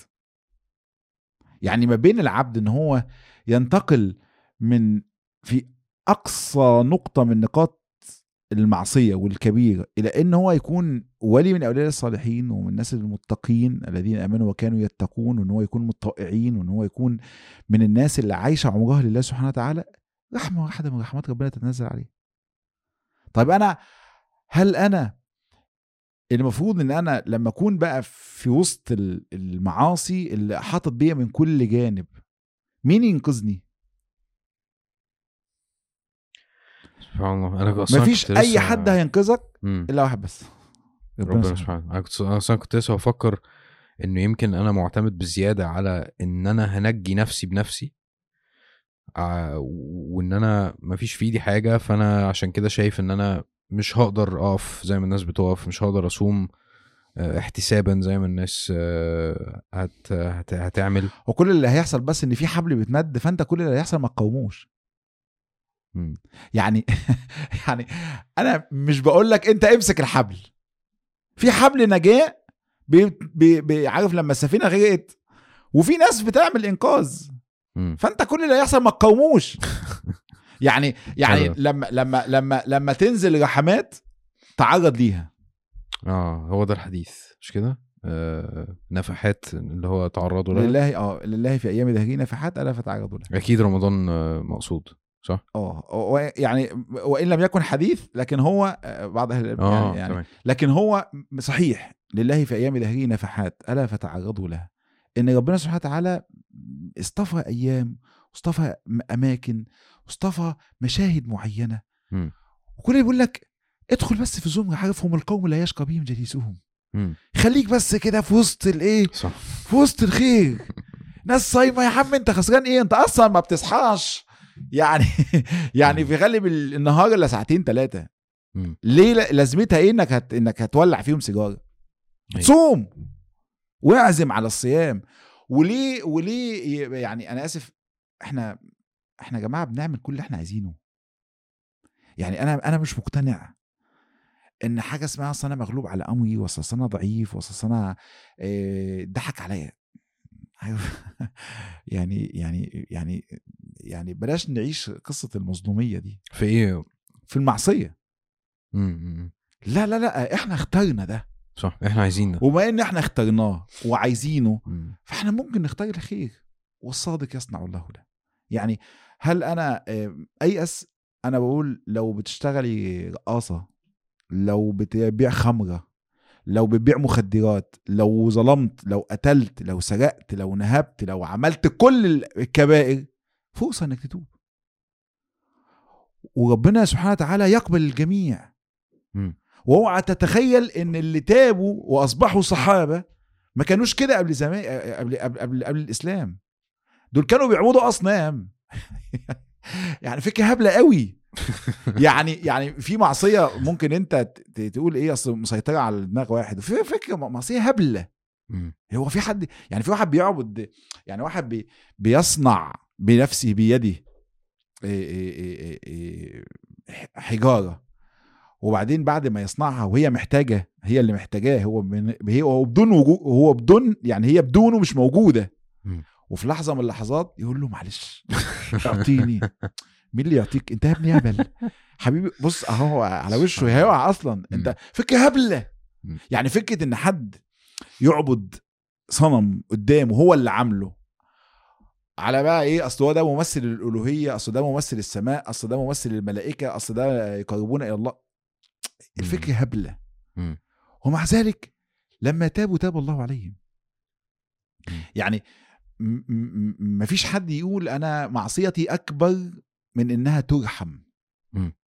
ما هو ده سوء ال- التعامل مع ربنا. وإن إحنا مش فاهمين ربنا ربنا سبحانه وتعالى. آه. ربنا سبحانه وتعالى فتح الباب للجميع. فتح الباب للكفار للملاحده. للي بيقول أنا مفيش إله أصلا. وكم من رجل كان يعيش في غياهب يعني ضلال بعيد بعيد خالص. مش شايف أصلا. مم. يعني رؤيته بقت إيه، متجه في اتجاه كل حاجة وهو عنده بقى عنده بقى عنده فلسفة بتجعله يفسر كل المعطيات الحياتية والمادية في سياقه مم. خلاص هو عايش ملحد مثلا عايش ضايع عايش يكذب بالنبي صلى الله عليه وسلم عايش نصراني عايش يهودي عايش أي عايش في ضلال ثم يسمع القرآن يتغير أمال أم، يعني أمال المسلمين دول كلهم كانوا إيه أصلا. يعني هل حد يتخيل إن مثلا الصحابة كانوا مثلا كانوا كانوا بيعبدوا ربنا بس مش بيعبدوه قوي؟ فلما جالهم نص لا لا لا كانوا كانوا بيقتلوا بعض. فخطاب الوحي ورحمة ربنا سبحانه وتعالى للعالمين وإن تفتح أبواب الجنان على مصراعيها كل أبواب الطاعات مفتوحة. الإنفاق والزكاة و- والبر والاحتشام والحياء و- والأكل من حلال والدعوة وال واقامه مشاهد الخير وإطعام الطعام و- وصلاة الجماعة و- وقيام الليل وقراءة القرآن وتدبر القرآن ومدرسة القرآن وده لوحده قصة. ده مفتوح كله كله مفتوح كله مفتوح وكله عليه أجر رهيب. طيب هل أنا يعني الهيصة دي كلها مش هاخد منها أي حاجة. مم. أنا بقول لك عشان تاخد أي حاجة تعرض بس. مم. عارف اللي هو إيه؟ هناك بيوزعوا إيه؟ بيوزعوا إيه إيه عربيات. فيقول له آخد إزاي؟ قال له بس امشي في الشارع وهم هيجيبوك. مم. بس. كل اللي أنت عليك تعرض لرحمات الله. أتعرض لرحمات الله إزاي؟ بتاعته. آه آه ما أقدرش ما تقدرش إيه اعمل اللي الناس بيعملوه ما وخلاص تقدرش إيه ما تقدرش إيه يعني ما, ما, ما أنا ما قلت لك خلينا نبقى صراحة ما تقدرش إيه لا أنا مش مش على ما أقدرش مين ما يقدرش لا أنا بتكلم على انه يمكن هل مثلا ان أنا ما احملش هم النتيجه هل ده ممكن يساعد لأنه مثلا ممكن حد يبقى خلاص طمع وبتاع وعارف ان رمضان بيغير ما ترسمش البدايه امم مع النهايه يعني إيه يعني ما تقولش أنا عشان أقرب لازم أتخلص من كذا وكذا وكذا وكذا وكذا وكذا ولازم أكون عندي صفات كذا وكذا وكذا وكذا أيوة. أيوه. لازم أكون صادق لازم أكون أمين لازم أكون بر بامي لازم أكون آه، آه، بصلي في الجماعة لازم أكون مش عارف إيه فأنا بالتالي مش هعرف أعمل ده مم.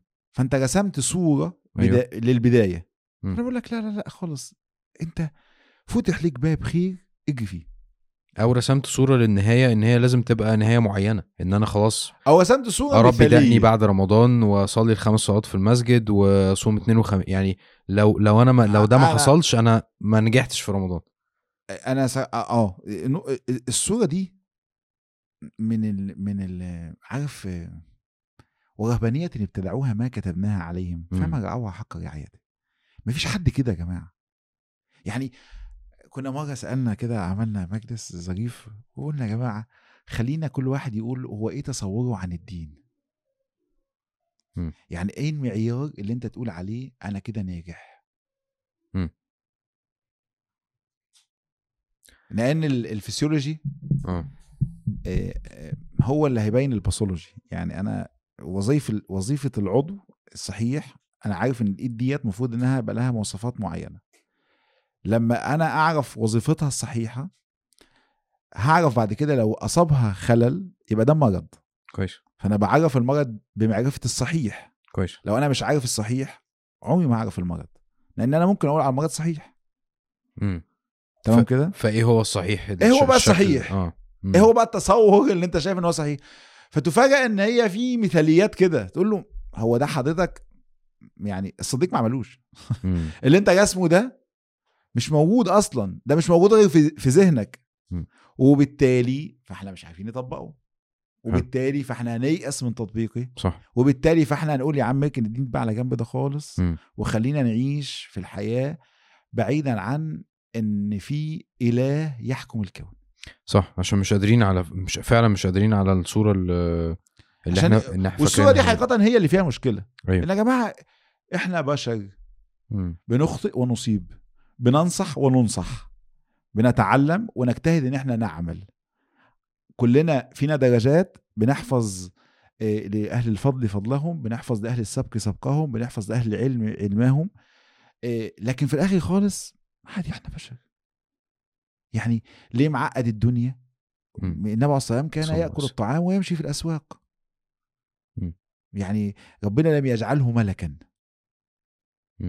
و و و وامرنا إن إحنا نقتدي بيه. وأصحاب النبي صلى الله عليه وسلم. ما حدش قال بعصمتهم. فليه؟ ليه صورة إن أنا ابقى صائم قايم ذاكر داعي مربي معلم آه، طائع قانت يا إما بص ضايع. سيب كل حاجة. آه. لا لا افعل ما تستطيع. عارف الطالب كنت بقول للشباب يعني محمد عبد الرحمن ابني بقول له عبد الرحمن يعني لما تيجي يبقى اقطع الحتة دي بقى هو ليه يا ابني كل ما تيجي تذاكر تبدأ من أول الصفحة أول الكتاب مم. نص الكتاب ده مش هيجي خالص مم. لما تيجي تذاكر ذاكر عند الحتة اللي انت وقفت عندها مم. أصل أنا مش عارف أبدأ الكتاب إلا من اوله ليه ما تبدأ من الحتة اللي انت واقف عندها. هو إحنا هنبدأ؟ يقول لك لا لا هنضيف بقى. ما هنضيف ده بيخلينا عمرنا ما نجيب آخر الكتاب أصلا. يعني حضرتك قصدك إن أنا أشوف أنا فين وأعلي عليه؟ و- وأشوف أنا أقدر أعمل إيه وأعمله وأشوف إن أنا لو فتح قدامي طاعة مش لازم ديت تقتضي واحد اتنين تلاتة أربعة.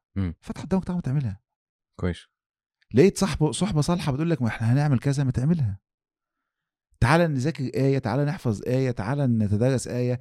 إيه، إحنا هنتحج في رمضان وإن شاء الله بعد رمضان إحنا هنجتهد إن إحنا نطعم الطعام في رمضان إحنا هنجتهد إن إحنا نعمل مائدة رحمن إحنا هنجتهد إن إحنا نصلي في الجماعة. احرص على إن أنت يبقى عندك حد يعينك على الطاعة. ما تقولش بقى قيام ليل. عم أنا هقوم الليل أصلا وأنا طول النهار أتفرج على أفلام وطول الليل أصلا قاعد ما مقضيها مراجح يا عم بص أنا مش. مش هعرف. أنا كده منافق. مم. لا لا لا. آه، هنا الشيطان بيدخل بقى. صح. وهنا النفس بتدخل إن أنا إيه أنا كده يا إما أبقى نضيف قوي يا إما أنا مش هعرف أبقى كده. وفي أحيانا بيبقى في صورة ذهنية معينة اللي هو إيه أنا عشان أبقى متدين أو قريب من ربنا سبحانه وتعالى أو عشان أنا أعمل عايز أقرب من ربنا أنا محتاج أكون زي الشيخ فلان. أو الأخ فلان طبعا. أو الداعي فلان. فأنت تقول له معلش يعني مين اللي قال إن فلان ده نموذج أصلا مع احترامي لكل اللي أهل الفضل والله يعني أنا مش ب... يعني لا بقدح في حد ولا ولا اريد ذلك يعني قصدك مين بالظبط لكن أنا أنا بسأل يعني مين قال إن أي حد. هو ينفع يكون مكان النبي صلى الله عليه وسلم. ربنا قال لقد كان لكم في رسول الله حسنه فخلينا يا جماعة كل واحد يجتهد في الدين على قدره. يعني ما فيش حد إحنا في عصرنا بعد 1444 سنة آه، نقول أجمع عليه علماء الأمة أن هذا كلامه فصل. ولا فرد ولا آه، مؤسسة ولا دولة. يا جماعة إحنا أمة بعد 1444 سنة من دعوة النبي صلى الله عليه وسلم. كلنا مخاطبون. فإحنا كل واحد على قده بقى. وكل واحد يجتهد من أعماق قلبه هو عايز إيه؟ ودايما نسأل نفس السؤال ده هو أنا عايز إيه؟ مم. أنا أريد إيه؟ أنا بشكر ولا بكفر؟ أنا بشكر أنا بجحد؟ عارف في واحد جحد. مم. تديله ما بيشكرش ما بيعرفش فضل. لما الصحابة اختلفوا لما نزل في الذهب والفضة ما نزل. الذين يكنزون الذهب والفضة ولا ينفقونها في سبيل الله فبشرهم بعذاب أليم. فالآية شقت على الناس إن في ناس هتمنع الزكاة فبالتالي هيعذبوا بيها. وخلاف بقى آه، يعني إيه هل نزلت فينا ام نزلت في أهل الكتاب خلاف بين سيدنا معاوية رضي الله عنه وسيدنا أبو ذر رضي الله عنه. المهم إن الموضوع شق على على النبي على أصحاب النبي صلى الله عليه وسلم. فقالوا إيه أي مال نتخذ يا رسول الله؟ قال له هو إيه المال الحلو اللي إحنا نجيبه؟ الذهب والفضة مش عايزينها. ما هو اللي بيمنع على الزكاه هيتعذب. مم. والزكاة هنا فين؟ منصوص في الذهب والفضة. مم. فهم بدأوا يفكروا عارف إحنا نشيل الدولار؟ طب ندور على إيه؟ هندور على أي مال نتخذ يا رسول الله؟ إيه الحاجة اللي إحنا نتاجر فيها. فقال عمر أنا أعلم لكم من رسول الله. قال لهم أنا سيبوني بقى أنا إيه السؤال ده بتاعي. فذهب عمر إلى النبي صلى الله عليه وسلم فقال يا رسول الله شق علينا. أو نزل في الذهب والفضة ما نزل فأي أي المال أفضل؟ إيه إيه المال الحلو اللي إحنا نتاجر في إيه. بدل بلاش ذهب وفضة خالص. هم متوجعين. لما لقى إن في حاجة هيبقى عليها عقوبة قال لك إيه. لا لا أنا مش عايز أخش في السكة دي خالص. فقال صلى الله عليه وسلم ليتخذ. أحدكم قلبا شاكرا ولسانا ذاكرا وزوجة صالحة تعينه على أمر دينه ودنياه. النبي صلى الله عليه وسلم قال لهم نقلة تانية خالص. يا نهار أبيض. قال له اشكر اشكر. اشكر نعمة ربنا عليك. انت بتعرف تشوف من الكلمات ال- اللي اثرت فيا قوي واحد بيقول لي فلان ده لابس نظاره حديد. فبقول له يعني إيه لابس نظاره قال لي ما بيشوفش. ما بيشوفش يعني يقصد إن هو لا يشكر النعمة. هو مش بيقصد نعمة ربنا على فكرة هو بيقصد نعمته. يعني يعني مهما عملت له. هو شايف إن إيه يعني هو ده الطبيعي يعني. جحود. فالنبي أصلا بيقول يا جماعة حاولوا تنظروا إلى نعمة الله. حاول إن قلبك يستشعر إن ربنا من عليك ومن عليك إنك أنت تبقى موجود. عارف لما واحد تديله حاجة فيقول لك طب ما أنت اديت للناس كلها. مم. بص له كده. يعني دي مش حاجة زيادة يعني. أقل حاجة إنك تشكر. مم. إنك لما حد يديك حاجة تقول له شكرا. ف ده جاحد والجحود من الكفران. مم. الكفر يعني تغطية النعمة يعني مش شايف إنها من الله. مم. فالإنسان النبي أصلا بيقول لهم قلبك محتاج يشكر. هو أنا ليا سلطان على قلبي؟ مش عارف. آه. ما هو قلبك تحت إرادتك. أنت ممكن تقول أنا هحب فلان وممكن تحب فلان. هتحبه إزاي لما تتعامل معاه؟ لما تتفكر فيه لما تراقبه لما تنظر إليه نظرة المعطي لك أو المهتم بيك أو الحريص عليك أو المحب لك. ولما تنظر إليه نظرة الكاره هتفسر كل حاجة على عكس. الحقيقي. كويس. فالنبي أصلا بيقول لك ليتخذ أحدكم قلبا شاكرا. قال لهم أنتوا محتاجين تشكروا نعمة ربنا. ربنا اللي خلقكم. واحد يقول لي طب ما هو خلق العالم. حبيبي ما هو خلق بهايم. ما هو خلق نمل. ما هو خلق طيور ما هو خلق جمال ما هو خلق سحاب ما هو خلق تراب. كان زمانك ترابة ماشية في الشارع. إح- احفظ نعمة إنه أوجدك. وأنت لم تكن موجود. احفظ نعمة إن هو خلاك بني آدم وسخر لك الكون. نعم عامه ونعم خاصة. إن هو أعطاك عينين. طب ما في ناس ربنا سبحانه وتعالى ابتلاها بالعمى. صح. أعطاك إيدين. طب ما في ناس مقطوعة.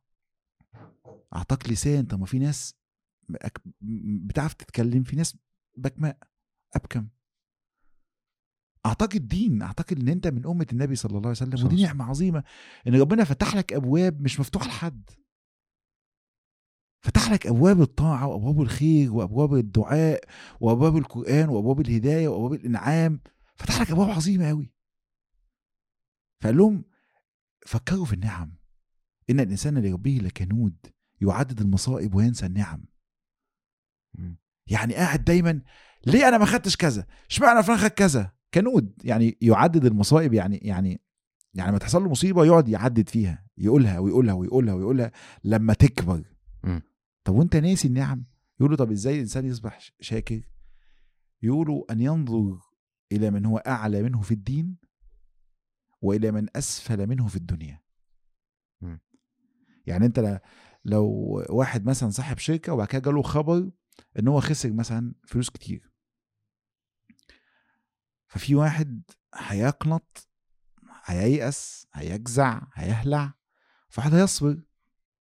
لكن كيف ترى في هذه النعمة؟ اللي هو النبي صلى الله عليه وسلم في عز مصيبة أحد يقول لهم اصطفوا حتى أثني على ربي. يقول لهم الحمد لك يا رب. هو شايفها إزاي. إن أنت لما تنظر إلى أنه ابتلاك ليعطيك أو انظر إلى من هو عنده بلاء أكبر منك 100 مرة وعايش. اللي هو أنت فقدت كتير. بس تعالى تعالى أوريك كده الناس بتاكل من الزبالة. فتقول يا عم الحمد لله. تعالى أوريك فلان جاله جلطة وقعد في المستشفى وبعدها بيومين مات. الحمد لله لسه, لسه سليم. تعالى ما أوريك فلان اللي كان بيعمل كذا وعنده أنت لما بتنظر إلى من هو أقل منك بتستشعر النعمة. وبتستشعر وأنا إيه اللي حصل لي يعني؟ حصل لي آه بس أنا عندي حاجات كتير قوي اثني بيها على ربي. عشان. كده عليه وسلم كان بيقول له يا رب أنا عاجز عن الشكر. يقول له أنا مش عارف أشكرك إزاي. لا أحصي ثناء عليك. أنت كما أثنيت على نفسك. مش عارف أشكرك. أنا أنا جميل صفاتك وجميل إنعامك و... وجميل عظمتك و إيه- إكرامك ليا. أنا مش عارف أشكرك إزاي. ومش عارف أثني عليك إزاي. مش عارف أبلغ الناس قد إيه ربي عظيم. وقد إيه ربي كريم. وقد إيه ربي واسع. وقد إيه ربي معاملته حلوة. وقد إيه ربي عطاؤه جميل.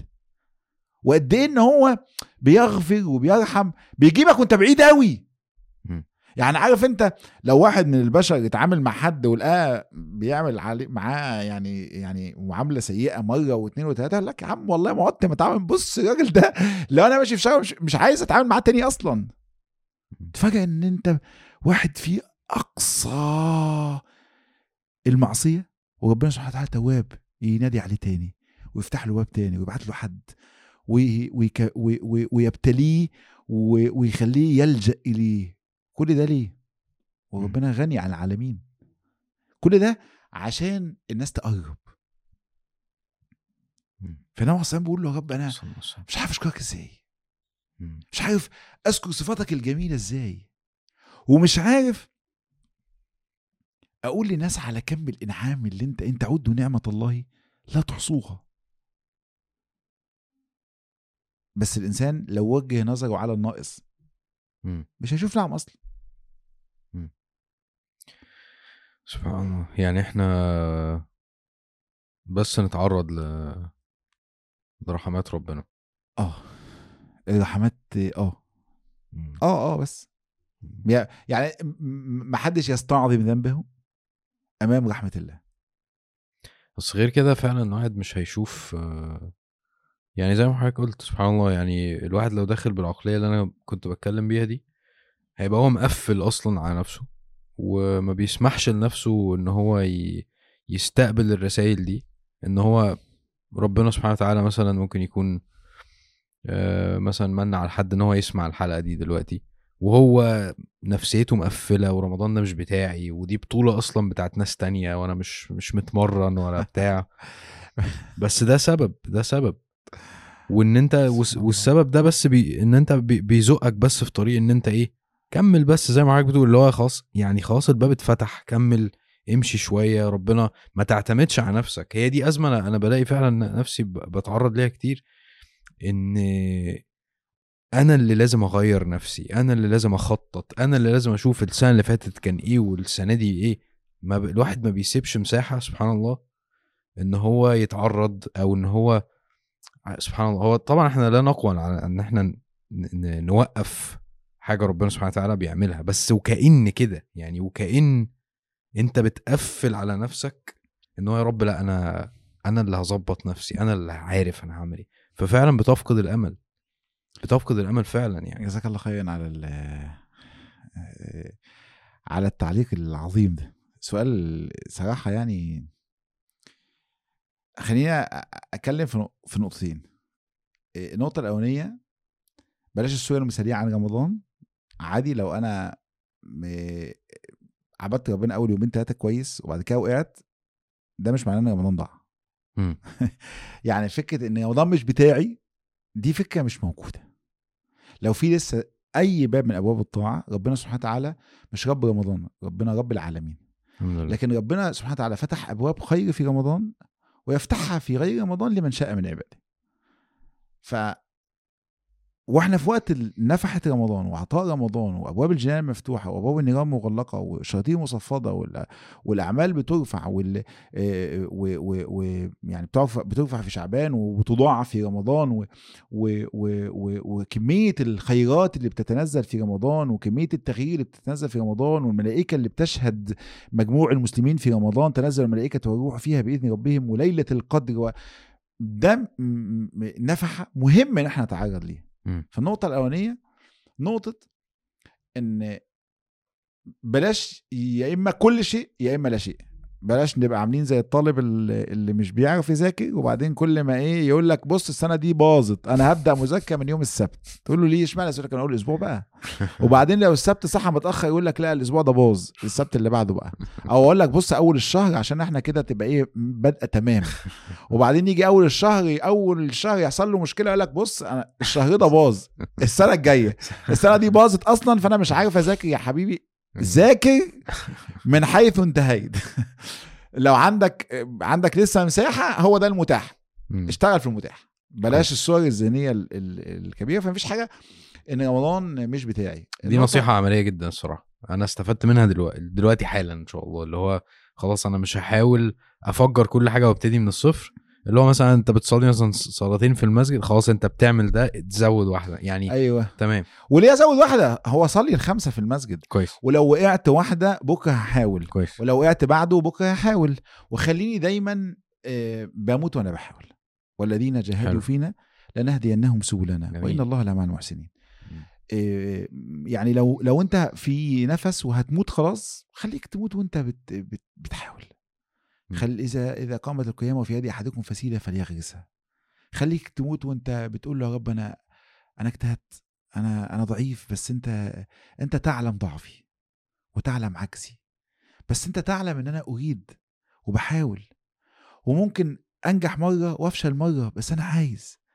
و... وعايز مش بالكلام أنا فعلا بجتهد. وأنت ترى إيه، مني هذا. النقطة التانية بقى نقطة إيه، الاستعانة بالله إن أنا أنا هقدر لوحدي. ربنا سبحانه وتعالى قال فاعبده وتوكل عليه. قال له إياك نعبد وإياك نستعين. يعني أنت مش هتعرف تعبد من غير ربنا. مم. والتوكل اعتماد القلب على الله. وخليني بقى بما ما إحنا اتكلمنا. على هنتكلم على اعتماد القلب على الله إن أنا مش شايف حقيقة أن هناك من ينجي إلا الله أو من ينصر إلا الله أو من يهدي إلا الله أو من يرزق إلا الله. إيه ده؟ بس إحنا بناخد بالأسباب وربنا سبحانه وتعالى أمرنا بالأسباب. وانت بتنزل تشتغل عشان تاكل من حلال بالاسباب وانت بت بتروح تتداوى عند الطبيب بالاسباب وانت بت بتشرب عشان عندك عطش بالاسباب فاقول لك الاسباب لها قانون ان كل سبب له سبب. وان كل سبب وسبب لهم سبب مضاد. يعني أيوة. أنا راجل دلوقتي مريض. فأنا محتاج دواء. عشان الدواء ده يؤثر فيا هل مجرد إن أنا قلت إن في دواء هيبقى مؤثر؟ لا ده هو لازم يكون الدواء ده حقيقة أنا مريض كحة فيكون الدواء ده دواء كحة أصلا. كويس. وإلا لو جبت دواء مثلا آه، سيولة فانا آه، بدل ما كنت بكح آه، كح هوا هكح دم فانا محتاج إن الدواء ده يصادف الداء اللي عندي. رقم اتنين محتاج إن الدواء ده يكون مصنوع أصلا. رقم تلاتة محتاج إن الدواء ده آه، أنا أشربه صح أو أكله على حسب أو أخده على حسب طريقة العطاء. فالدواء ده سبب لكنه محتاج عشان ينفعني أنا شوية إيه حاجات حواليه. كويس. الحاجات دي هي كمان أسباب. تمام كده؟ فالسبب ده أي سبب من الأسباب اللي حواليا لو مش موجودة السبب ده مش هيعرف إيه؟ يجيب لي نتيجتي. حلو. فكل سبب له سبب. كويس. طب أنا خدت الدواء كويس قوي وبعد ما عملنا شوية الأسباب الجميلة ديت وجبنا الدواء من عند صيدلية محترمة و... و... و... ومش مغشوش و... و... ووصف وصف الدواء ده دكتور شاطر و... و... ومشهود له بالأمانة و... و... و... وبالعلم وأنا خدت الدواء صادف الدواء الداء فأنا بالنسبة لي كده المفروض إن أنا كده إيه خلاص بقى أنا خدت السبب أهو. السبب اللي هو له إيه له أسباب أخرى حواليه. طب أنا طلع عندي قرحه في المعدة. أو طلع عندي حساسية من الدواء ده. فأول ما خدته وشي ورم و- ورئتي انتفخت و- ومش عارف آخد نفسي واحمريت واصفريت ولقيت نفسي. هو إيه اللي حصل ده؟ اللي حصل إن أنا كان المفروض إن جهاز المناعة بتاعي ما يهدم ما يهاجمش الدواء. لأن هو ده دواء. لكن أنا عندي مشكلة إن أنا عندي حساسية من الدواء اللي أنا مش عارف إن هو إيه؟ إن هو دواء. فعشان الدواء ده يأثر فيا لازم يكون في سبب مضاد ينتفي. تمام كده؟ كويس. دي قصة كبيرة بقى. مم. ده انت كده كل سبب بتاخده ده في حاجات كتير قوي بتحصل معاه عشان اللي انت متخيل ان هو السبب ده هو اللي إيه يشتغل. اللي هو اشتغل بالص... يؤثر فيك. مم. السبب بيؤثر آه بيؤثر. بيؤثر جدا طبعا. يعني المية بتروي المية بتروي. الطعام بيشبع. آه الطعام بيشبع. النار بتحرق آه النار بتحرق الشمس بتضيء آه الشمس بتضيء. دي أسباب واضحة. لكن أنا بقول لك إن الشمس يملكها الله. والشمس تجري لمستقر لها. وإن ممكن سحاب يمنع ضوء الشمس. وإن أنت ممكن شيء يمنعك عنك استفادة من ضوء الشمس. فهذا المجموع لا يكون إلا بالله. فبالتالي أنت بتاخد السبب وأنت بتقول يا رب. أنا عارف إن مفيش حد هيأثر إلا أنت. ده فعلا مش مش كلام. ها ها يقيني. مم. اللي هو أنت بتاخد بسبب وأنت بتقول له والله أنا أعلم أنه لا يحرك الكون إلا أنت. والله أعلم أنه لا ينفع ولا يضر إلا أنت. إن يمسسك الله بضر فلا كاشف له إلا هو.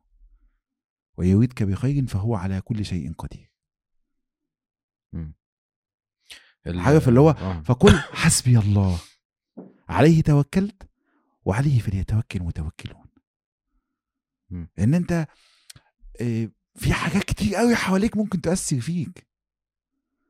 ففكرة إن أنا هعبد لوحدي ليه؟ أنت بتعبد عدم. أنت تحتاج إلى الله.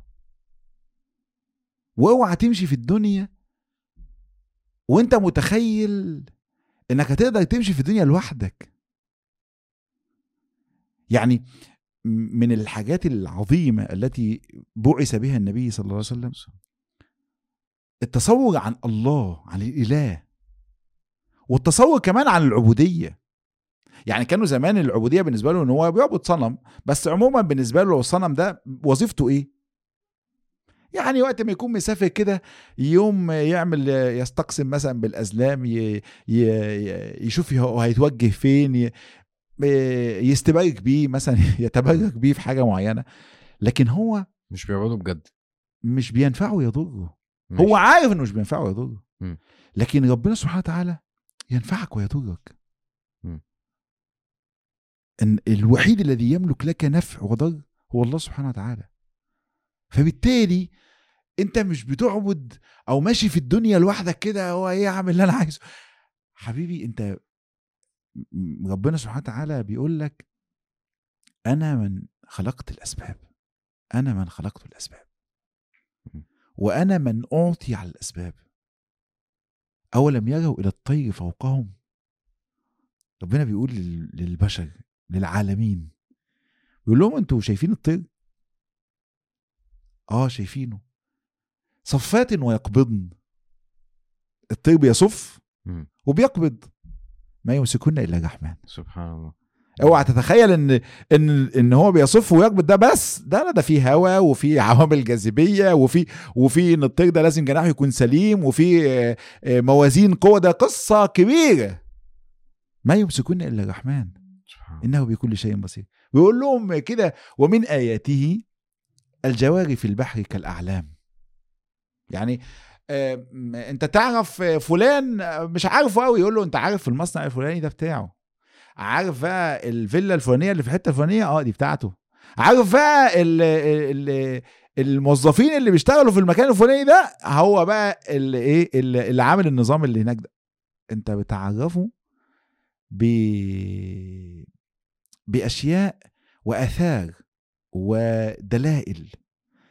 فربنا سبحانه وتعالى يقول ومن آياته يعني من الآيات الدالة على وحدانيته على قدرته على عزته على تفرده سبحانه وتعالى الجواري في البحر السفينة اللي بتجري في البحر دي وله الجواري المنشآت في البحر كالأعلام سفينة بتجري جواري يعني حاجة بتجري مم. جمع جاري يعني حاجة بتجري مم.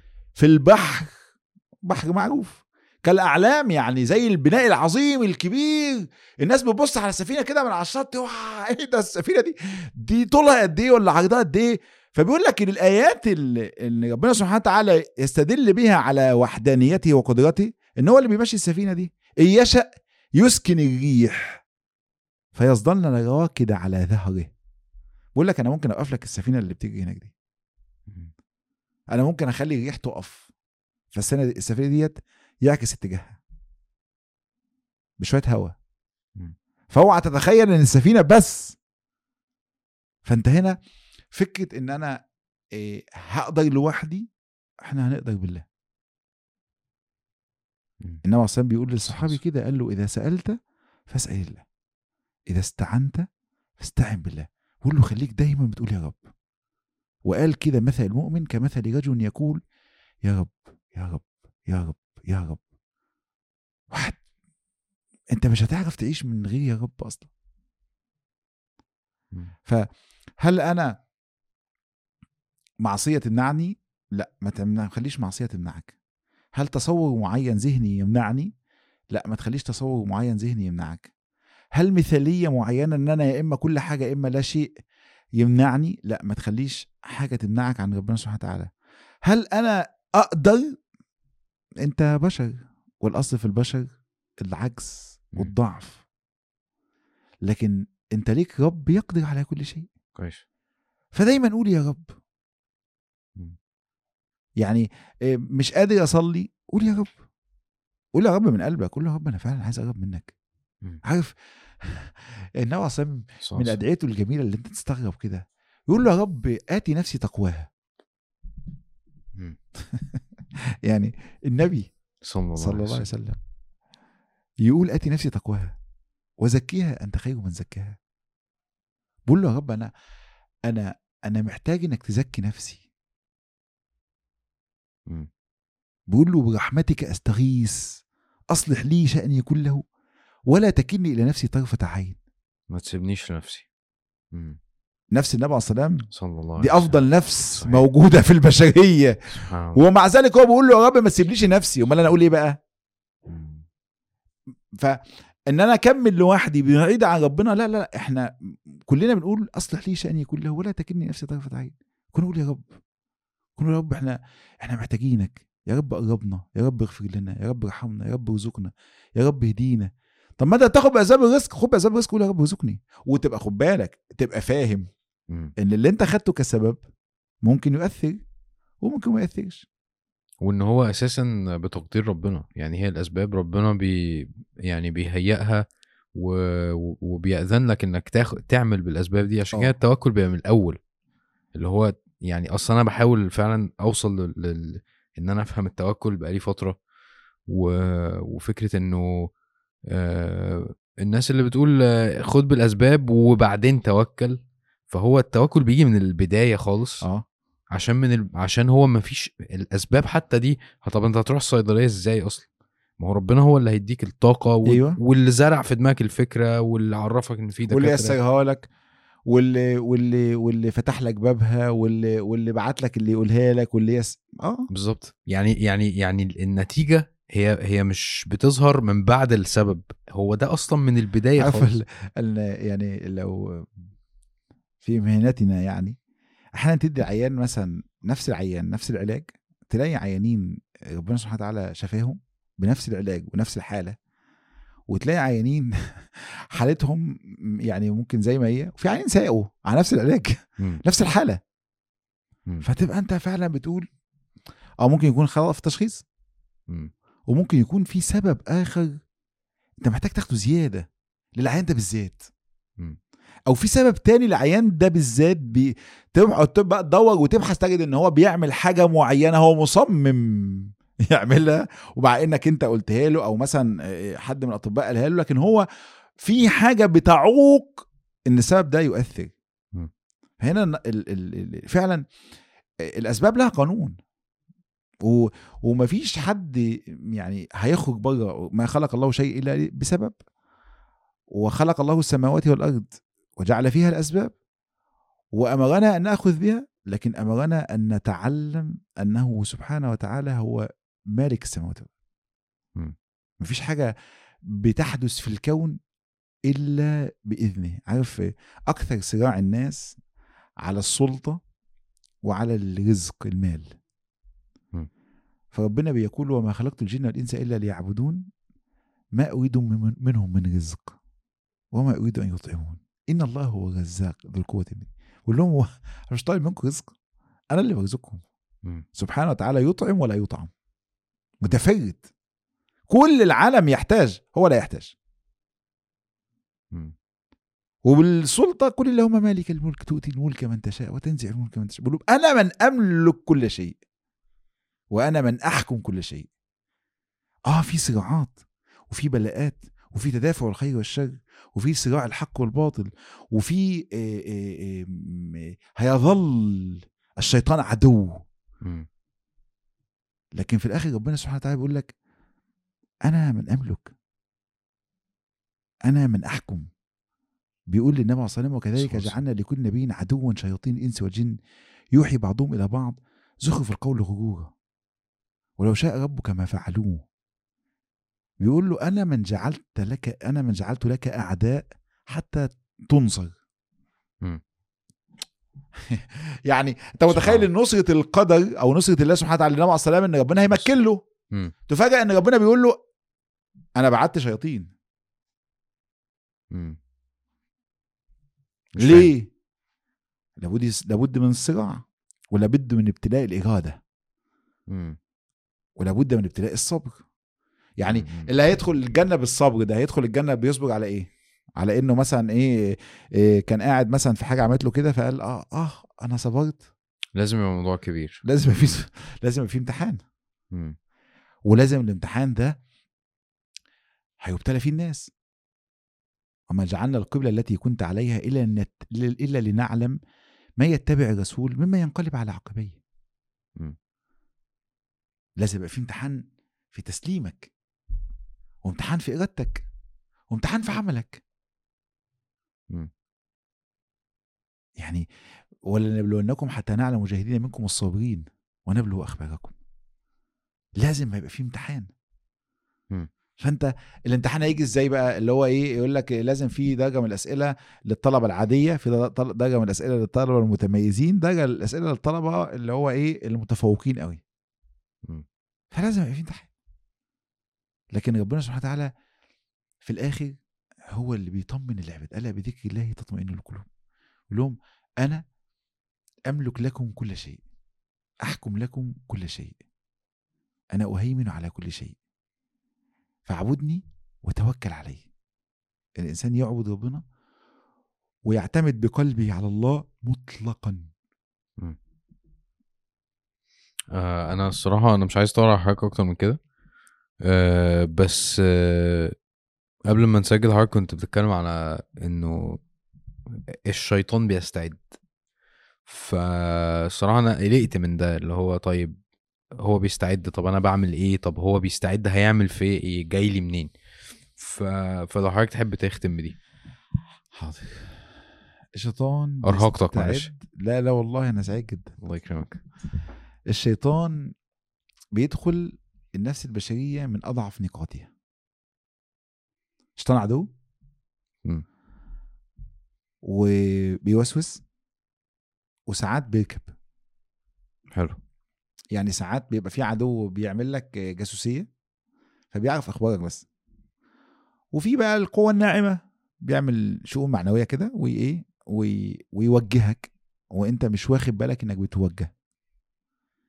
فيوسوس للإنسان أو ينفث أو ينفخ. النبي أصلا كان بيقول اللهم إني أعوذ بك من همزه ونفثه ونفخه. عارف في مثلا آه، صراع في مشكلة حصلت؟ فيبدأ إيه يكبرها يفخمها يضخمها. ويقول لك لازم تاخد قرار دلوقتي حالا. وبعد كده. تحس إن أنت إيه ده همز. وبعدين همز ده يعني الهمزة اللي هو الإيه اللي اللي اللي بي اللي بي بيقتلك بالكلام. عارف اللي هو التنمر اللي اللي بي اللي بيوجهك في اتجاه معين يكرهك في حاجة أو بي بيخليك لازم تعمل حاجة معينة. ده الهمز الهمزة اللي كانوا بي بيضغطوا على المسلمين بالكلام عشان ي- يتبرئوا مم. واللمزة معروف يعني اللي بيلمز الناس يعني بيتنابز بالألقاب بقى عنده شوية ألقاب كده ده إيه ده يعني طبعا ده موجود في في في في كل العالم يعني في عالم برضو ال- الناس اللي يعني يعني موجود يعني موجود في كل حاجة يعني مش مهم الألفاظ قوي يعني بس اللمز اللمز واضح وإحنا عندنا في مصر يعني اللمز ده إيه من الحاجات اللي اللي يعني معروف يعني. فالنبي صلى الله عليه وسلم بيستعيذ من الهمز واللمز والنفخ تكبير الموضوع والنفث اللي هو إن أنت آه، التحابيش. الشيطان بيدخل الإنسان منين؟ من أضعف نقطة عند الإنسان. هل في إنسان ما عندوش نقطة ضعف؟ طبعا لا. مفيش. مم. كل إنسان بقى محتاج إن هو يقفل نقطة ضعف. أو يعرفها ويعرف يتعامل معاها إزاي. حلو.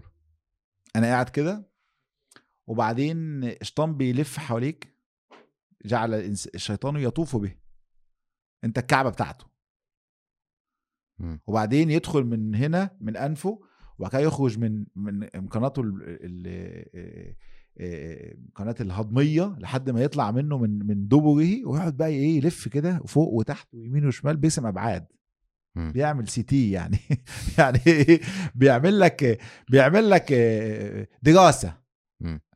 يقول لك الراجل ده نقطة ضعفه البنات نقطة ضعفه ال- فلوس. آه، إنه بيحب إن حد يمدحه مم. نقطة ضعفه إن هو فلوس نقطة ضعفه اللي هو آه، آه، بيحب السلطة نقطة ضعفه السيطرة نقطة ضعفه آه، كل إنسان له نقاط ضعف إنما أصلا بيقول. تعرض الفتن على القلوب بيقول لك القلب قاعد وفي عرض كده شغال. كل قلب هيشرب اللي هو عنده مشكلة فيها.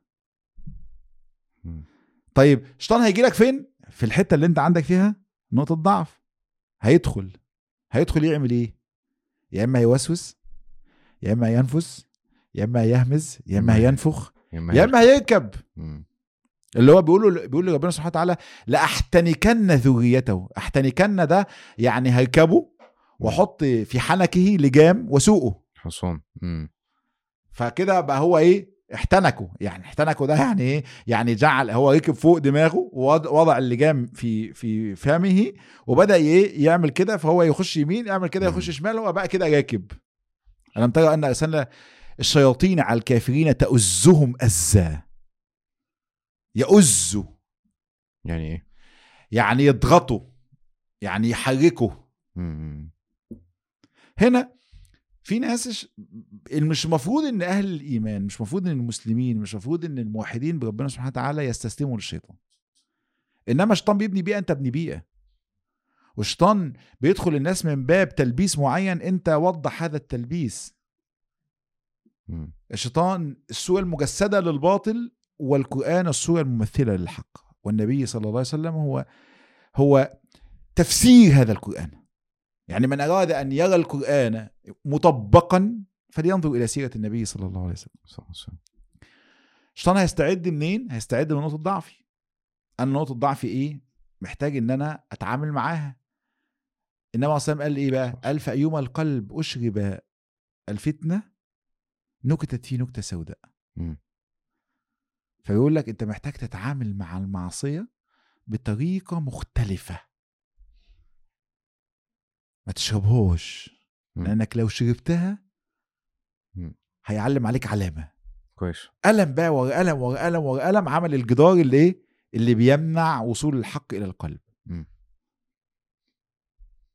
وايما القلب أنكرها نكتت فيه نكتة بيضاء. حتى تصبح القلوب على قلبين.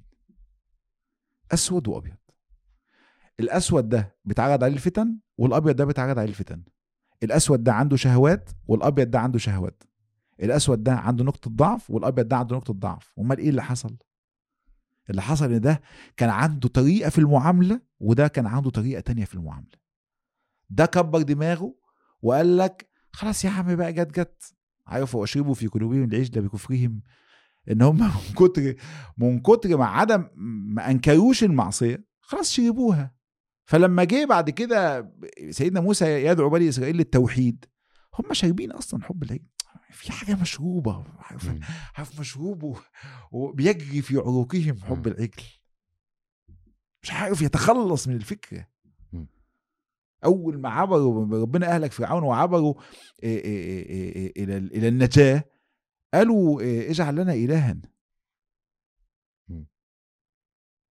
إحنا إحنا إحنا إحنا عايزين عايزين نعمل عجل. فالقلب اللي ينبغي إن إنسان لما شيطان عدو بيشتغل بيه أنا أعمل إيه مع عدوي؟ يكون عدوك. يا عم ما تفكرش في عدوك كتير إنما فكر في طريقك هتمشي فيه إزاي. ربنا بيقول لك أنا أكفيك عدوك. أنا هكفيك عدوك. بس أنت اتبع. يعني أنت امشي على الوحي وانت مش هتلاقي عدوك عنده مشاكل. وده اللي اللي النبي عليه الصلاه عمله إن صلى الله النبي عليه الصلاه ضرب الشيطان في مقتل. يعني في كل المعارك النبي عليه الصلاه. استطاع انه ينتصر على الشيطان مش بإن هو مصارعة إنما قضية إن أنت الوحي بركة. فأنا النهارده الشيطان بيستعد بيستعد. بيستعد بإيه؟ بيستعد بالمعصية. بيستعد بالمعصية. هتدخل لي من المعصية منين؟ هتدخل لي المعصية من نقطة ضعفي. طب أنا نقطة ضعفي إيه؟ إيه والله أنت الوحيد اللي عارف نقطة ضعفك بس إحنا محتاجين نفكر فعلا إيه هو إيه نقطة ضعفي وإيه نقطة ضعفك؟ طب أنا أسدها إزاي؟ طب أنا دلوقتي عارف إن نقطة ضعفي في الستات بينفع إن أنا أروح أشتغل في مكان كله بنات؟ يعني أنت راجل عاقل كده طب ما أنت كده عارف إن أنت كده بتضحي بدينك طب أنا عارف إن نقطة ضعفي فلوس ينفع أروح أشتغل أمين خزنة؟ طب أنت راجل كده بتهزر يعني أنت عارف إن أنت إيدك هتمد على الحرام أنت عارف إن أنت نقطة ضعفك في إيه، السلطة ينفع تروح تتولى منصب ويقعدوا بقى يفخموا فيك ويعلوا ويكبروا فيك وأنت عارف إن أنت بعد كده هتتجبر وتتكبر حبيبي أنت عارف نقطة ضعفك فين. فأنت راعيها يا إما حتى لو أنت اشتغلت في نقطة ضعفك أو اشتغلت في مكان فيه نقطة ضعفك دافعها. واعرف إن الشيطان مش هيسيبك من نقطة ضعفك دي آه، عموما خلينا آه، نقول إن الشيطان بيجتهد في المعصية الجارية والمعصية الجارية غالبها يا إما معصية صعب الانفكاك منها. أو من أعظم المعاصي الفساد بين الناس. المعصية الجارية. مم. المعصية الجارية اللي هو يعمل لك معصية مش هتقعد في يومين. هتقعد مستمر عليها. هتقعد مستمر عليها. فالشيطان في شعبان هيجتهد إنه يدخلك في علاقة عشان هت- هتستمر. أو هي- هي- هيجتهد إنك ترجع لمعصية كنت سايبها من فترة عشان يستمر. عشان هتستمر. والحاجة التانية المعصية الجارية دي مصيبة. الحاجة التانية هي نقطة فساد ذات البين. حافظ قوي على العلاقات في شعبان. مم. وشعبان ده له قصة تانية يعني لكن خلينا إيه, إيه, إيه يعني ننتهي عند هذا لكن إيه إيه ترفع الأعمال في شعبان. فحافظ قوي على العلاقات. علاقتك بوالدتك وعلاقتك بوالدك وعلاقتك بجيرانك وعلاقتك بأصحابك. اعرف إن الشيطان هي هيعمل مصايب عشان العلاقات تتقطع. يعني يعني عارف إنها الحالقة لا أقول تحلق الشعر إنما تحلق الدين. مم. عارف لما أنت بتجيب دين وبتكتثه من الأصل مم. مش بتحلق مش بتقصه بتكتسه زي ما واحد بيحلق الشعر كده بيحلق الدين. قال له إيه يا رسول الله اللي بيحلق الدين ده؟ قال له فساد ذات البين. الله. واحدة آه، آه، يحصل مشكلة ما بينها وبين زوجها في شعبان عشان تعدي طول رمضان كله وهي إيه؟ في مشكلة. واحد مع زوجته واحد مع جاره واحد مع أخوه واحد مع آه، أختي واحد مع مع أمي واحدة مع والد مع والدتها مع والدها محتاجين نراعي قوي الشيطان هيدخل منين في شعبان هيدخل من العلاقات. وبالذات العلاقات اللي إحنا الأرحام الآباء الأمهات اللي علاقات الفرد علينا اللي مهم إن إحنا نبرهم ونرحمهم ونتعامل معاهم تعامل جميل وطيب وهيدخل فيه نقطة الضعف ومفيش إنسان ما عندوش نقطة ضعف لكن قدر استطاعتنا عارف أنكرها مم. أنكرها يعني قال لأ يعني أنا مش هعمل ده إن هو لما شافها مع إن هي نقطة ضعفه قال ده حرام مم. طب ما أنت بتحبها بس ده حرام مم. هنا القلوب تغيرت ليس على إن في فتنة ولا مفيش فتنة إنما القلب ده أصبح أبيض لأنه هو قلب قوي استطاع إنه ينكر وده أصبح أسود مش عشان في فتنة ولا مفيش فتنة إنما عشان هو قلب ما قدرش ينكر. فشرب الايه؟ شرب المعصيه